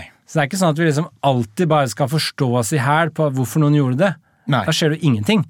Altså Nei. Veldig ofte så har jeg bare lyst til å si sånn, skjerp deg. Altså Jeg driter i bakgrunnshistorien din, nå skjerper du deg, liksom. Du kan det faktisk nå hvis du vil. Ja. Ja, det- det jeg tror i. på den viljen din kan nå Nå bare bruker du bakgrunnshistorien som unnskyldning. Mm. Og det er en ganske sånn hårfin balanse når du kan liksom bare klappe den på huet og si skjerp deg, og når du skal stryke den på ryggen og si jeg forstår. Uten, uten tvil, det der er eh, for å bruke Spesielt på unger, liksom. På barn og sånn. Jeg oppdrar barn, liksom. Jeg ber dem skjerpe seg hele tida. Jeg kan ikke sitte og forstå alt det her. De vet jo ikke sjøl hva de skal forstå engang. Nei, altså, Tenk deg den bak, bakforliggende historien dem, så de har jo deg som far. Det, Ja, da, da er jo alt unnskyldt. ja, det er sånn stakkars unger. Rart de ja. Nei, jeg vet ikke. Det er vanskelig, akkurat den balansegangen. Eh, og så av og til føler jeg liksom bare at eh, skjerp deg. Jeg føler veldig ofte, faktisk. Kanskje altfor ofte, at folk bare skal skjerpe seg. Det er jo veldig deilig å si, da. Er det. Hei, skjerp deg. Ja, det er det. Mi, mi, mi, mi. Nei, nei, skjerp deg. Jeg elsker det. Eh, Det siste han sier, er også var litt vakkert. Da han gir på litt den talen. Han sier nei, det som teller, er livet. Ene og alene livet. Det som betyr noe, er den stadige uavbrutt, uavbrutte oppdagelsesferden, og ikke selve oppdagelsen. Ja, den liker jeg veldig godt. Så det er liksom det der hele tiden å være på vei. Han sier Columbus var lykkelig når han nesten hadde oppdaga Amerika på veien, ikke Ja. etterpå. Nei. Det er, øh, ja, det er den der å sette pris på faktisk prosessen framfor Ja, det er jo. Ja, det, er jo det. Sette pris på prosessen framfor resultatet. Ja. Og det er sikkert noen sånne kule ord som dere Jeg skrev en hel- Half the journey is actually ba, ba, ba, ba. Ja, jeg skrev en hel bok om det. Altså, meningen med livet er jo egentlig bare forbedringspotensial som ligger der, jobbe med det. Og, det, og det, i det å bli bedre, ikke å ha blitt bedre, Ja. men å jobbe som med å bli kunstner, bedre. da. Så Du er jo kunstner. Så kan du tenke deg to scenarioer på din tilværelse. Mm. I den grad kunsten gir mening til ditt liv, så kan du tenke deg to sluttpunkter. Det ene er at du lykkes, gjør det veldig bra, som det ser ut som du gjør. da. Mm. og så den andre er at du mislykkes, og gjør det ikke noe bra. Mm. Og jeg syns jo begge liva har vært like meningsfulle i den forstand at du har jobba med å forbedre kunsten din. Men det er bare at i denne tilfellet så har du resultatene slått inn, og i den andre ikke. Mm. Mens meningen bak er jo denne jobb med å forbedre kunsten din. Ja. Uansett hvordan resultatet blir til slutt. Ja, Så det er bedre å leve meningsfullt, jobbe med å forbedre det, og lykkes selvfølgelig. Alle ønsker jo det. Mm. Men selve meningen er jo nettopp det der i å jobbe med å forbedre det. Komme inn i den flytsonen, jobbe med forbedringspotensialet, få til noe, produsere. Det, Det, det ligger jo sånn der innenfor for alle. Som, det ligger jo kverner bak der hele tida. Ingen som ønsker seg sånn. Der, der var jeg i mål. Eh, nå skal Ja. vi bare, dette skal jeg holde ved like nå i 60 år til. ja, det er jo helt meningsløst. Ja, det, og det tror, jeg, det tror jeg hadde gjort vondt å, å føle på den, da. Ja. Men det er som sagt den derre Men så er det eh, den derre um, At det er veldig lett å fokusere på sluttresultatet. Mm. Og da tror jeg du også gjør deg selv en veldig bjørnetjeneste. For det er som sagt, som Ipolitt sier her, da, det er eh, det er prosessen i seg selv. Det er det du på en måte Det er, det, jo som, det er jo det som er livet. Det er jo det som er det fantastiske. Ja. Du merker at du sitter og tegner, ikke sant? Jeg liker jo å tegne, og sitter Mm. og tegner, og da er det underveis, når du er i den flytsonen og jobber med tegninga, det blir og du føler at det begynner å gli, det kommer over den kneika hvor du har begynt, og du har kommet over den kneika hvor du har begynt å få det til å bli sånn du ville, Mm. og så sitter du bare og finpusser, er i flytsonen, kommer i den prosessen. Da oppleves det veldig meningsfullt. Helt utrolig meningsfullt, selv om du ikke tenker over det der og da. Mm. Og så når du er ferdig, ta bilde, du blir aldri ordentlig ferdig, men når du liksom tar bilde, gidder ikke jobbe mer med det, kanskje rammer det inn, henger det opp, så går det ei uke, er jo ikke det bildet noe sånn jeg står og henger meg opp i. Da er det en, en ny prosess som er i gang. Er noe, du står jo ikke og ser på det da, liksom. Det er dødt for lenge siden. Jeg har det helt likt. Har du det òg? Ja, helt, helt likt. Så det er helt med, du synes, tvert imot, du syns det begynner å bli dårlig etterpå, for da er du i gang med noe annet. Ja, der, er- det har jeg slutta med. Uh, det, er, det er sikkert at jeg har jobba så, så lenge med at nå jeg syns ikke, det- jeg synes ikke det er dårlig mer. Men, Det er godt tegn. ja, det er et godt tegn. Da blir det museumsutstillinger ute. Eh, nei, så uh, Men det er det at eh, jeg innser at et bilde er ferdig når jeg bare sånn Nå, nå veit jeg ikke hva jeg skal finne på mer her. Nei. Eh, nå er det på en måte Nå er, jeg har min interesse begynt å drifte mot neste bilde. Ja. Eh, og det er sånn, og jeg har fått spørsmål mange ganger men er det ikke vondt å gi fra seg dette. Så nei, ikke i det hele tatt. Det er, det er sånn, jeg har det, det som er viktig for meg, og det er den prosessen. Det er det, det, som, er, det er det som er kunstverket for meg, da. Så er dette et, sånn, et endelig lite symbol på hva jeg driver med. Så du og Ippolit er helt på linje her. ja, jeg er litt eldre, bare. Og så er jeg ikke er det ikke 17, sier du? Nei, ikke 17. Men det er en annen passasje som er veldig kjent, og som jeg liker veldig godt.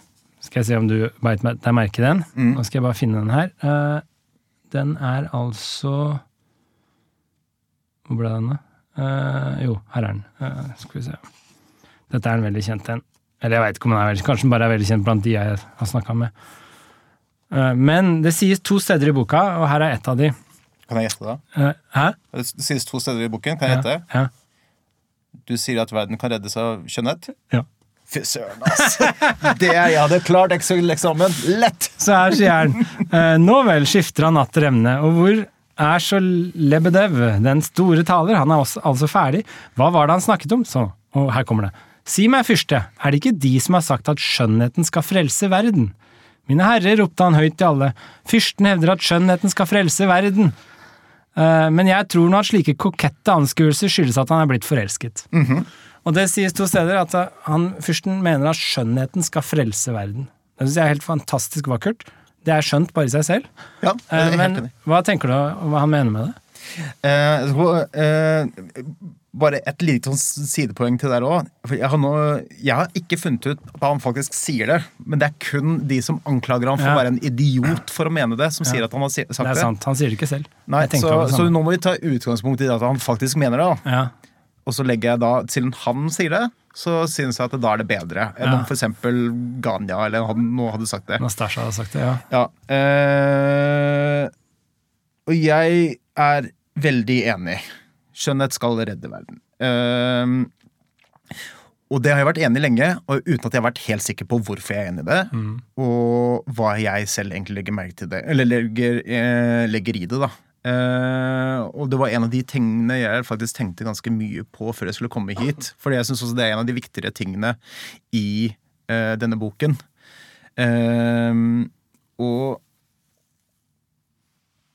for, for min del så tror jeg rett og slett bare kjønnhet er kanskje et liksom misforstått begrep i den setningen her. For det, jeg synes at det, eh, det, det, Man kan jo si er det objektivt eller er det subjektiv forståelse av det, men jeg mener at det, det er som litt uvesentlig, for det handler rett og slett bare om hva det er at det å sette pris på ting.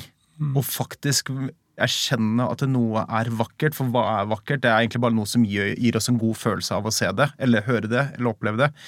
Eh, og det at du faktisk setter pris på og lærer deg å, å, å være glad over eh, det vakre, det vil være med på å gjøre deg til et bedre menneske. Du behandler andre mennesker bedre, og du vil på en måte jobbe for at ting skal være bedre. Ja. Så jeg er helt enig, helt enig med det utsagnet. Jeg er også veldig enig i det meste av det du sier, egentlig. Eh, Fordi jeg tenker at skjønnhet Jeg tror kanskje skjønnhet har litt mer objektive kriterier enn det du ga uttrykk for, da. Altså, det er gjort en del forskning også på hva folk betrakter som skjønt. mm.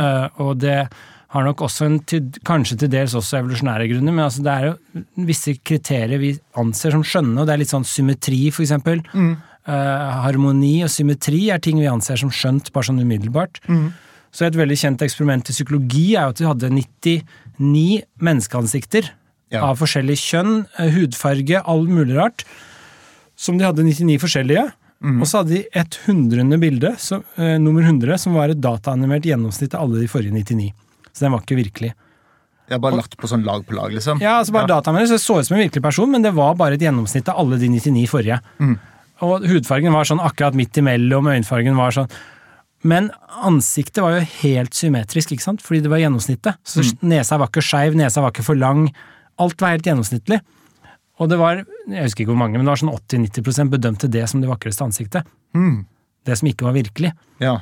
Og det, noen av psykologene mente at det skyldtes jo en del harmoni og symmetri i dette ansiktet. Altså vi bedømmer det som er symmetrisk som veldig vakkert. ja. Slik at når nesa sitter litt skakt, så bedømmer vi det som litt mindre vakkert enn når den sitter rett ned. Uh, I sin hel, i alt annet likt, da. Det er Ja. masse sånne skjønne unntak og sånn, men det er liksom en sånn gjennomsnittsgreie. Og det samme ser vi med arkitektur, for eksempel. Folk bedømmer klassiske bygninger som vakrere modernistiske bygninger, i eh, forskningen viser gang på gang. Og det skyldes jo også at klassiske bygninger har jo bygger på gamle greske og romerske arkitekturprinsipper som går ut på symmetri og harmoni. Ja. Det går ut på at døra er i midten, to vinduer på hver side, huset står solid på bakken, mens moderne bygg har liksom sånn hulter til bulter vinduer, det står skakt, det ser ut som det skal hvelve. Alt er ustabilt, ikke harmoni, Ja, det, skal, ikke symmetri. det skal bryte Det skal bryte, det skal være nytt og spennende. Ja. Og det er ikke det vi bedømmer som vakkert. Så det er noen objektive kriterier for Ja. hva vi bedømmer som vakkert, og så er det selvfølgelig mye smak og behag. Mm. Og grader, da. Sånn som hva er vakrest av det ene Bach-stykket og det ene Beethoven-stykket? Liksom, det er vanskelig å si. Ja. Men hva er vakrest av liksom Beethovens komposisjon? månesonatene av Beethoven og mitt pianostykke, liksom. Det er ganske åpenbart. jeg skal ikke si hvem jeg tenker på da, men det er ganske åpenbart. Så det er jo nyanser som det er vanskelig å bedømme, men det er også veldig klare svart-hvitt-kriterier. Ja.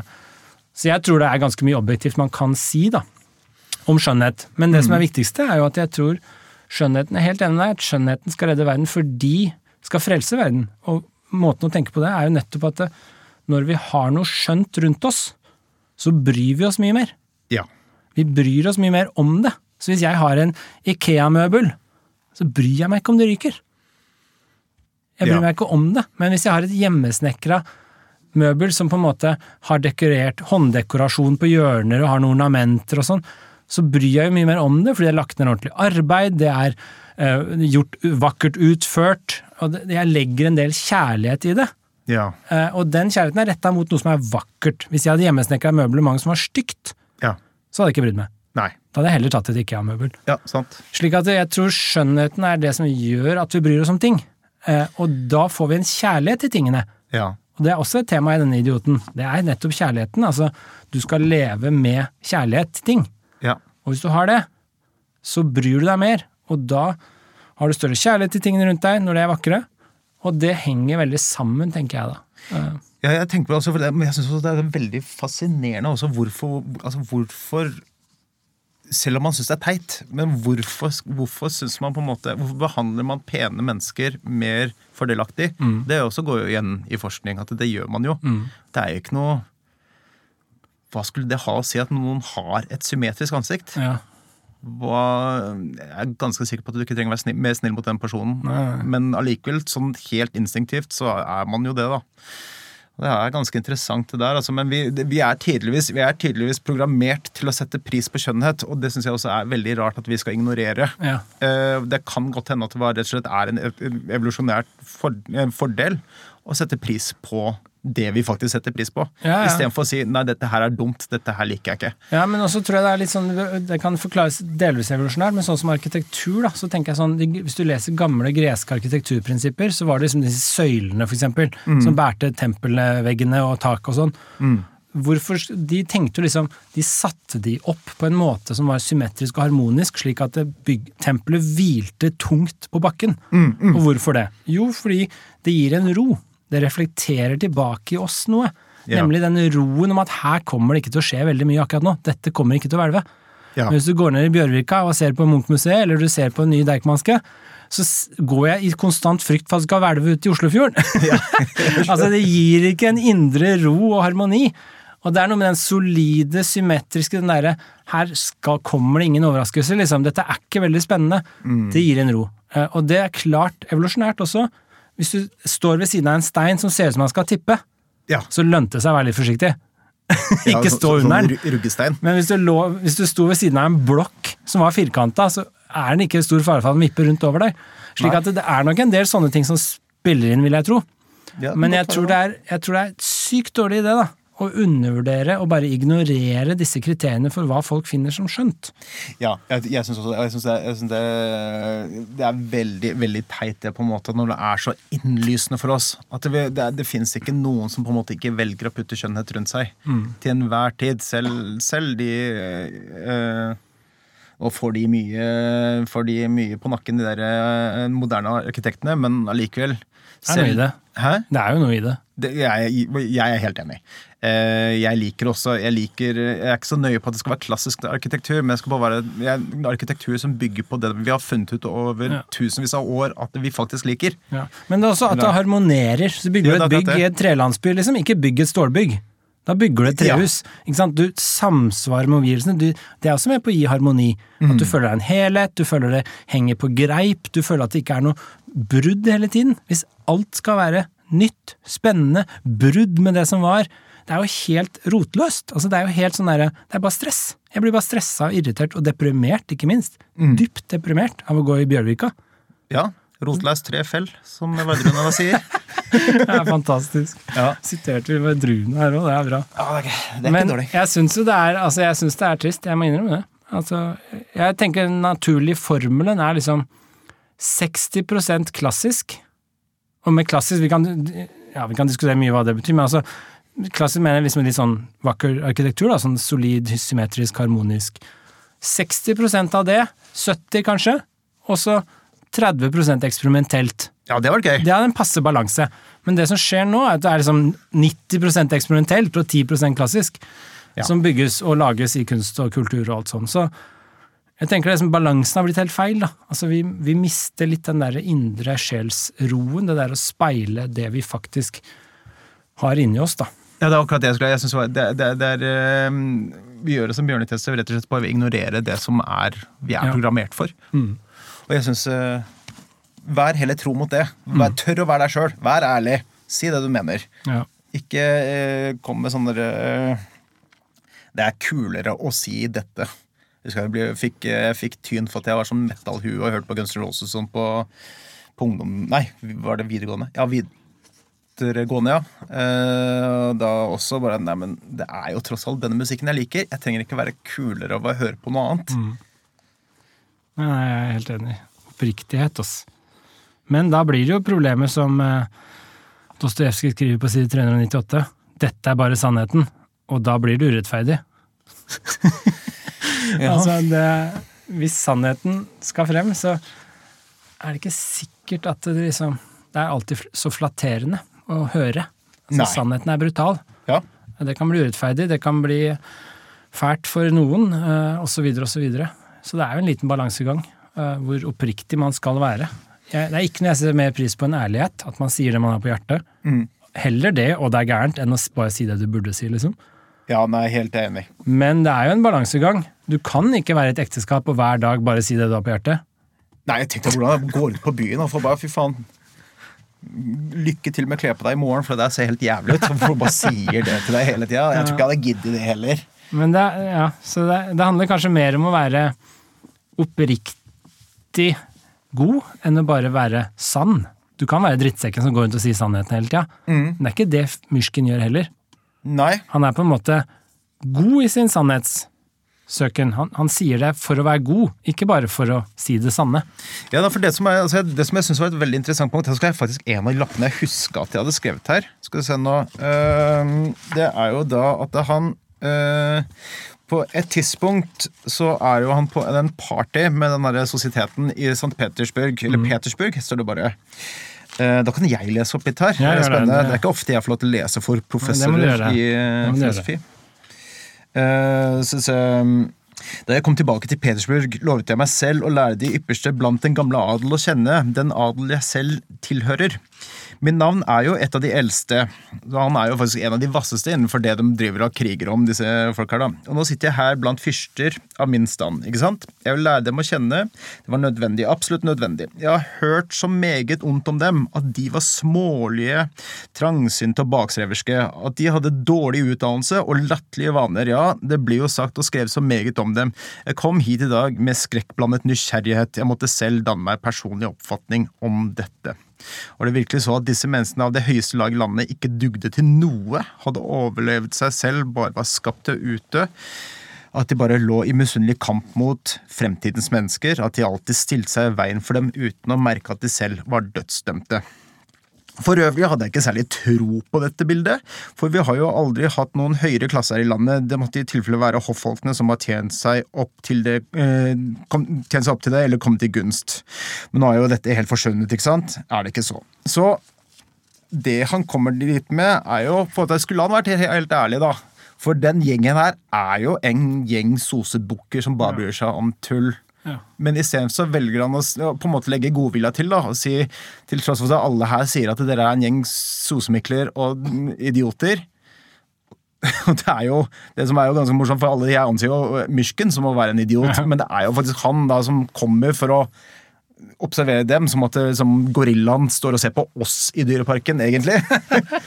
De bare han får lov til å se på nye mennesker i Dyreparken hver dag, men vi ser på den samme ene gorillaen. Men eh, så kommer han og ser på disse menneskene som tydelig er Jeg vil kanskje kalt dem idioter, da.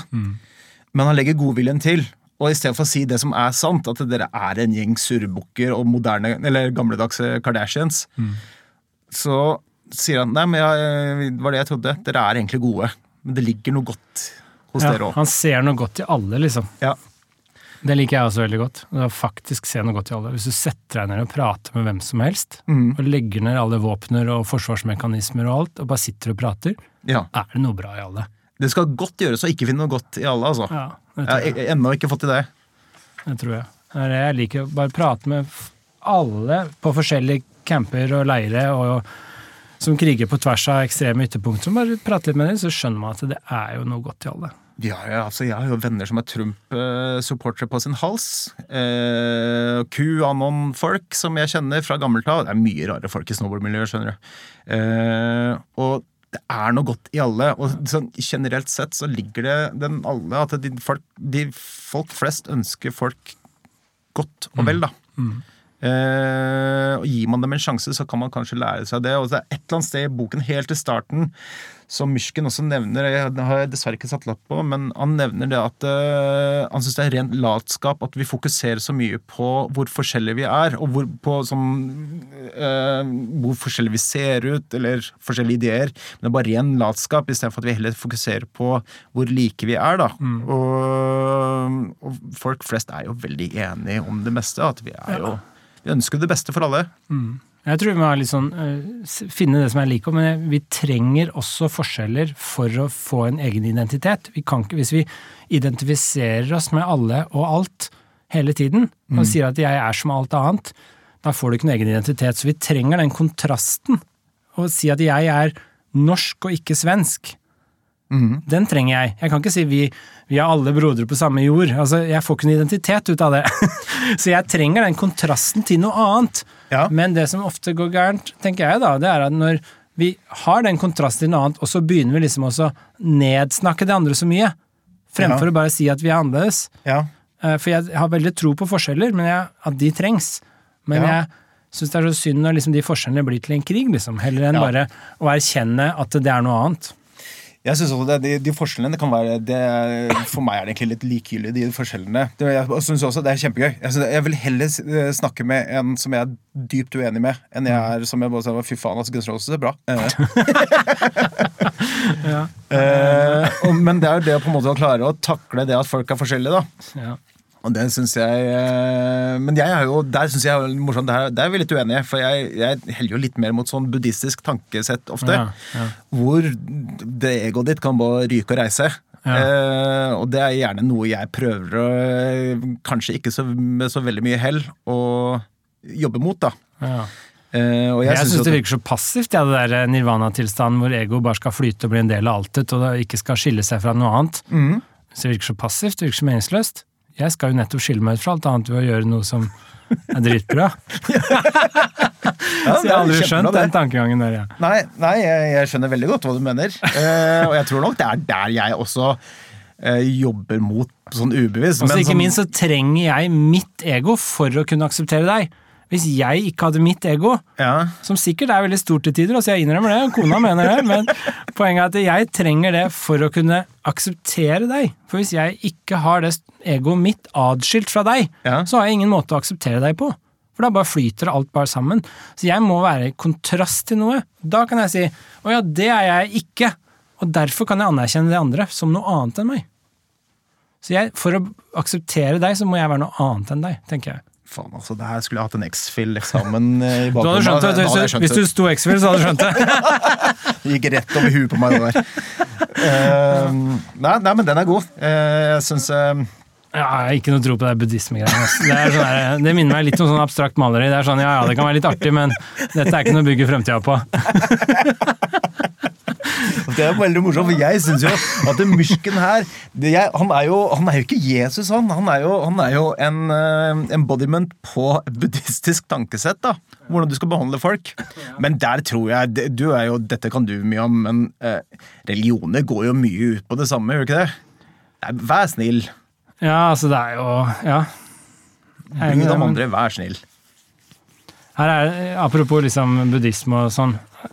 Han har noe morsomt å si om middelmådighet, bare til å merke det. uh, ja, det er mange av disse lappene her På side 444, 444, så sier han uh, Her sier han Her er det midt i en tale, da, så sier han, sier han jeg, ha, jeg husker ikke helt hvem som sier det. Hvem er det? Det er ikke Jeg husker ikke hvem det er som sier det. Ganya, tror jeg det. La meg forts... Ganya er det, tror jeg, som sier det her. Okay. Så sier han uh, Så det er ikke fyrsten, da. Så sier han Jeg hater dem, Gavrila Ardaljanovic. Ene og alene av den grunn at de er selve legemliggjørelsen. Dette er Politt som sier til Ganja. Ippolit sier det her. Jeg hater dem, Gavrila. Ene og alene av den grunn at de er selve legemliggjørelsen, selve toppen av den frekkeste og mest selvgode middelmådighet. det er så Det bra. er, eh, ja, dette er da Dette er da, eh, dette er da Ippolit som det kritiserer da De er et oppblåst gjennomsnittsmenneske. Middelmådigheten som i olympisk ro aldri tviler på seg selv. Ganya får ganske medfart av Dostojevskij også. Han har jo sånne småsegmenter inne her hvor han på en måte forklarer litt sånn utafor historien. Og han bare, bare i tilfelle lurer på det altså Ganya er noe av det kjipeste av hvermannsen Hør som her, da. Jeg går videre. Ikke en eneste selvstendig tanke er noensinne dukket opp i deres hjerne. Men misunnelige er de, utover alle grenser. De er fast overbevist om at de er verdens største geni, men i mørke stunder hjemsøkes de likevel av tvil. Og da fylles de av ondskap og misunnelse. Dette er jo Nietzsche av dagen, vet du. Ja, det er det, ja? Ja, Nietzsche er kjempeinspirert av Dostojevskij. Ok. Så dette, Nietzsche er jo ja, det er middelmådigheten som er misun middelmådighetens misunnelse som gjør at de tukter de, de sterke. Ja, riktig. riktig. Så Ja, alle går sammen i sin middelmådighet og kvantitet over de få kvalitativt gode. Ja. Det, jeg ser at uh, Dostojevskij det, det slår meg ganske Jeg er ikke så jævla begeistra for hvermannsen, han her, altså. Jeg tror ikke, Er det noen som er det, liksom? Egentlig innerst inne, eller er du det, er det bare fordi du selv er hvermannsen? Hvem er det som er begeistra for middelmådigheten? Ja, vi er akkurat passe! Nei. Vi har ikke lagd noe nytt eller det er bra, sånn men Det er som fele, altså, Hvordan man svarer man på det Enten må du da innrømme at du er en værmannsen som på en måte syns det er ganske greit, eller så må du anse da at du ikke er værmannsen, og anse deg som mye bedre enn værmannsen. Dermed er du en værmannsen også, på en måte. Ja, men jeg tror kanskje at hvis du, hvis du liksom hyller væremannsen, så er det litt sånn ok, du kan hylle det i den forstand at jeg tror kanskje væremannsen har det bedre, alt i alt, på mange måter. Ja, det er det han sier. De dumme av værmannsen. Ja, de, har det bra. bra. Ikke de smarte av Ja, værmannsen. de har det bra, ikke sant, så du kan jo hylle det å ha det bra. Ja. Men du vil jo ikke hylle det middelmådige. Liksom. Nei. Oi, denne tegninga var akkurat passe. Han var ikke dårlig. Eller du lager mat, så er sånn, ja ja, det var jo ikke vondt. Nei, det er jo ikke liksom dette- topp, det. Ja, men er ikke det, Vi er jo gamle nok til at vi kan si så Er det ikke sånn popmusikk her nå, da?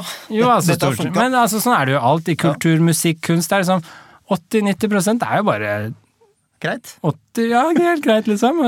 Passe uinteressant. Og så er det 10% som er helt ræva, og så er det 10% som er kjempebra. Ja.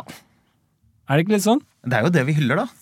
Og så, men det som er skjedd litt i samtiden vår, kanskje, som irriterer meg, da, Mm. det er jo at eh, vi hyller på mange måter middelmådigheten mer og mer. Ja. Vi, liksom, vi gir terningkast seks sitter løst, for å si det sånn. Du får liksom terningkast seks over en lav sko her. Altså, det, er liksom, det er middelmådige bøker som får terningkast seks, og plater og musikk og sånn, som er glemt uka etter. Ja. Uh, og hvis du da tenker på liksom, ok, hør gjennom Beethovens samlede verker, liksom. Og så gir du denne terningkast seks etterpå. Hva skal Beethoven få da, liksom? det er jo helt komisk. Altså, og så fremsnakker vi kulturavisen, ikke sant.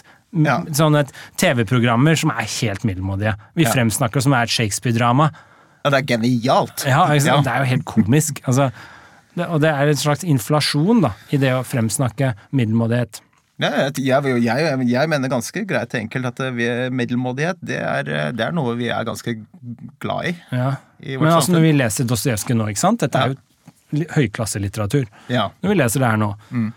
er jo ikke like spennende å gå tilbake og lese en samtidsroman. Nei, Da Vinci-koden er litt slapp i forhold, altså.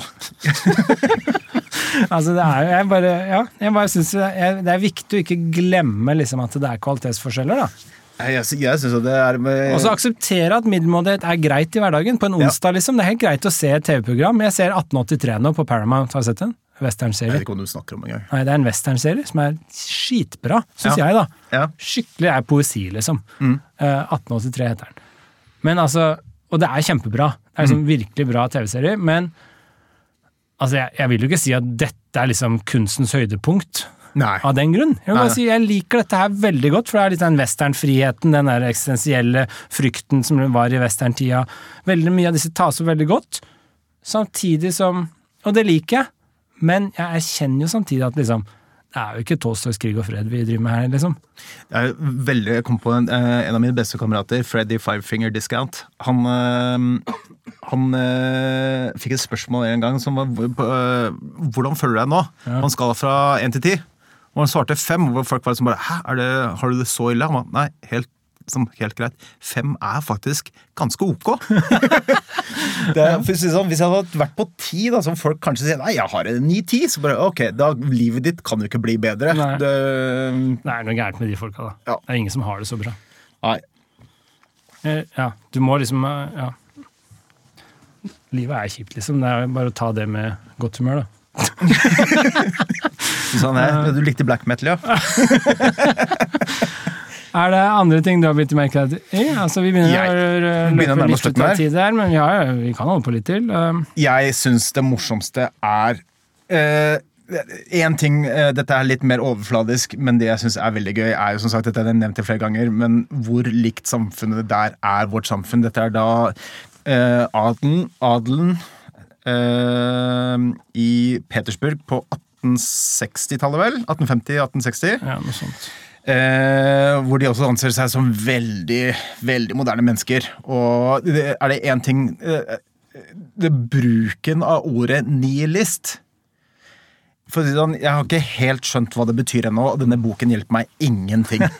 eh, nihilist blir brukt på lik linje som vi i dag bruker uttrykket kanselleringskultur eller rasist eller homofob eller eh, woke eller alle disse uttrykkene, da. Og jeg, jeg syns det er så morsomt å se at det, ingen av dem på en måte Eller, eller for eksempel, de, bruker det på samme måte som eh, kommunist ble brukt i USA eh, på 60-tallet.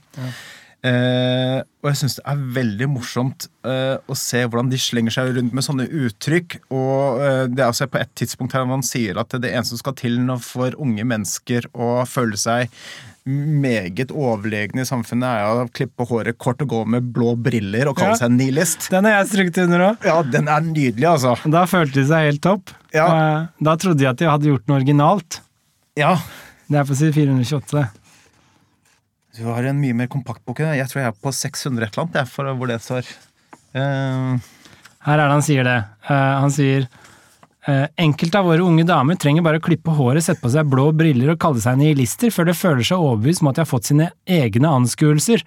den, At de, at de har blitt originale. ja. En annen trenger bare å merke et svakt spor som har menneskelig følelse i sitt hjerte, før han blir overbevist om at ingen kan føle som han, og at han står i det felles fremskritts tjeneste. En tredje trenger bare å oppsnappe en fremmed tanke eller lese en tilfeldig side i en eller annen bok, før han tror at dette er hans egne tanker. Ja, nei, det er det, som sjokkerer meg, sånn at vi fortsatt er der. At vi tror sånn der, å ha, å, som har omsorg for andre medmennesker er en sånn helt unik evne bare, bare jeg besitter. da. ja, Så, nei, nei, vet du, Folk flest jeg, bryr seg faktisk om andre. altså. ja, ja. Uh, og jeg syns det var ganske herlig, den der lille Alle de som tror at den er helt revolusjonerende ved å ha omsorg og tenke en tanke sånn. For å sitere oss selv skjerp deg. Ja. det er, du, må, du må ha litt høyere tanker om andre mennesker òg. Det er liksom ikke unik bare for at du har liksom et snev av menneskelig Men har du noe idé om hva en nihilist er? Jeg er ganske Jeg har prøvd å lese meg opp, jeg har ikke skjønt det. Nei, For det brukes veldig forskjellig. Det Mm. brukes på mange forskjellige måter. Eh, Det er et veldig sånn kjent filosofisk uttrykk da, å være nihilist. Mm. Men eh, de mest prominente måtene er jo at hvis du er nihilist, så tror du ikke på noen ting. Mm. Altså Du tror ikke at det finnes en gud, du tror ikke at det finnes noen verdier. Du tror ikke at det egentlig noe er bedre enn noe annet. Da er du nihilist. Mm. Du har på en måte mista troen på verdier, egentlig. Okay. Det er en måte å tenke nihilist på. Så Ja. en nihilist er en som tror det egentlig ikke fins noen verdier. Det fins bare smak og behag, og alt er egentlig likegyldig. Ja. Da er du nihilist. Ja. En annen måte å tenke nihilist er jo som Nietzsche er veldig opptatt av nihilisme. Ja. Og for han så er nihilisme det som er livsfornektende. Så for han var jo kristendommen den største form for nihilisme, fordi den fornekta livet. Den la lokk på seksualdriften, den la lokk på fest og moro. Du skulle tuktes og kues. Og det to- mente han var livsfornektende. Det bringa ikke frem liksom driften og urdriften i oss, hvor vi bare liksom bare Party! Men er ikke da disse uttrykkene nesten en sånn Er ikke de litt motstridende, bruken av de to? Jo, altså de brukes på mange forskjellige måter, ja. Ja. Uh, og, men det liksom den, det som kanskje er felles, er jo den derre Så Nietzsche bruker noe litt annerledes. Han mener det er livsfornektende, og han Mm. tror jo da at de ekte verdiene er de som fremmer livet. Ja. Mens nihilistiske verdier er de som fornekter livet. Ja. Mens den andre måten er jo bare å si det fins ingen verdier. ja. Eh, Så det er liksom to forskjellige måter å tenke nihilisme, men det som er felles, er liksom at du fornekter noe, da. ja. Ikke sant? Altså, nihilistene Det, fornekter er- det er i forhold til noe. livsdriften, de fornekter verdiene, de fornekter at det fins noe som egentlig er bra, da. Ja. Så det, er bare, det må alltid være i motsetning til noe for å på en måte kunne eksistere den nihilismen, da. Ja, så hvis du er nihilist, så er det jo ganske sånn, det ganske sånn egentlig sånn kjip fyr, da, for du tror egentlig ikke Anarkist? Ja, anarkist, men anarkistene kan fortsatt tro at det finnes masse av verdi. For eksempel, jeg er jo anarkist i hjertet. Jeg er jo mot all form for autoritær maktbruk. Og det er bare fordi jeg tenker Jeg er ikke det i hjernen, men det er det i hjertet. Og det er fordi jeg tenker bare Det er, det er misbruk. Hvis noen kommer til meg og sier 'gjør sånn', så hva, hvorfor faen skal du si det til meg? Hva er din rett til å si det til meg? Dette er jo også Dostojevskij opptatt av. Hvem sin skyld er det? Hvem har rett til å fortelle meg hvordan jeg skal bruke de siste minuttene av livet mitt? Ja. Det diskuterer han i boka et sted. Ja. Hvem har retten til det, egentlig? Og hvis det ikke fins noen gud som har satt noen dagsorden, Ja. da er det jo helt opp til oss. ja, Og hvem faen er du da til å komme og si hva jeg skal gjøre? Sånn- Jeg lever mitt liv, du lever ditt. Hva gir deg retten til å si hvordan jeg skal leve? Ja, riktig. Og da kan det være anarkist i den forstand at du er mot enhver form for autoritet. Mm. Du mener det er umoralsk eller galt, det burde ikke være der. Eh, Men fortsatt tro at det finnes noe av verdier. For eksempel livsgnisten er full av verdier. Ja, Bare at du skal ikke komme og interagere. Du skal riktig. ikke komme og ødelegge. riktig, riktig. Eh, Men det er jo kjempemasse problemer med den type anarkisme. Men det er, så du kan være anarkist uten å være nihilist. Du har Ja. tro på verdier, liksom. Men du har bare tro på andre verdier enn det som er sosialdemokratiets Som eh, rådende verdier. Eh, slik at det, det er ganske sånn interessant greie, men her som brukes jo nihilist som skjellsord. Ja, ja som kom Eh, kommunist eller hva enn som helst. Det er liksom de gærne som kommer inn, det er nihilister, liksom. Ja. Anarkister og brukes som skjellsord her. Er det det også? Ja, det ateister blir brukt mye. Eh, katolikk. Katolikk blir veldig disse her. Ja. Katolikkene får jo skylda for eh, å mistolke eh, Bibelen. Ja, de, eh, det er de som står for eh, ateismen. Ja, de er, De, de er jo en kirke for antikrist. Ja, så de mistolker Bibelen, gjør helt feil ut av Jesus, og så oppstår ateisme ut av det. Ja. Det er, han var ikke veldig glad i katolikkene, han eh, Men du må huske på at han var jo kristen. Ja, det var han. Og dette er jo mange som påstår at dette her er på en måte en forf Altså idioten Myrskin, da, fyrst Myrskin, er en, et forsøk på liksom å forfekte kristen moral.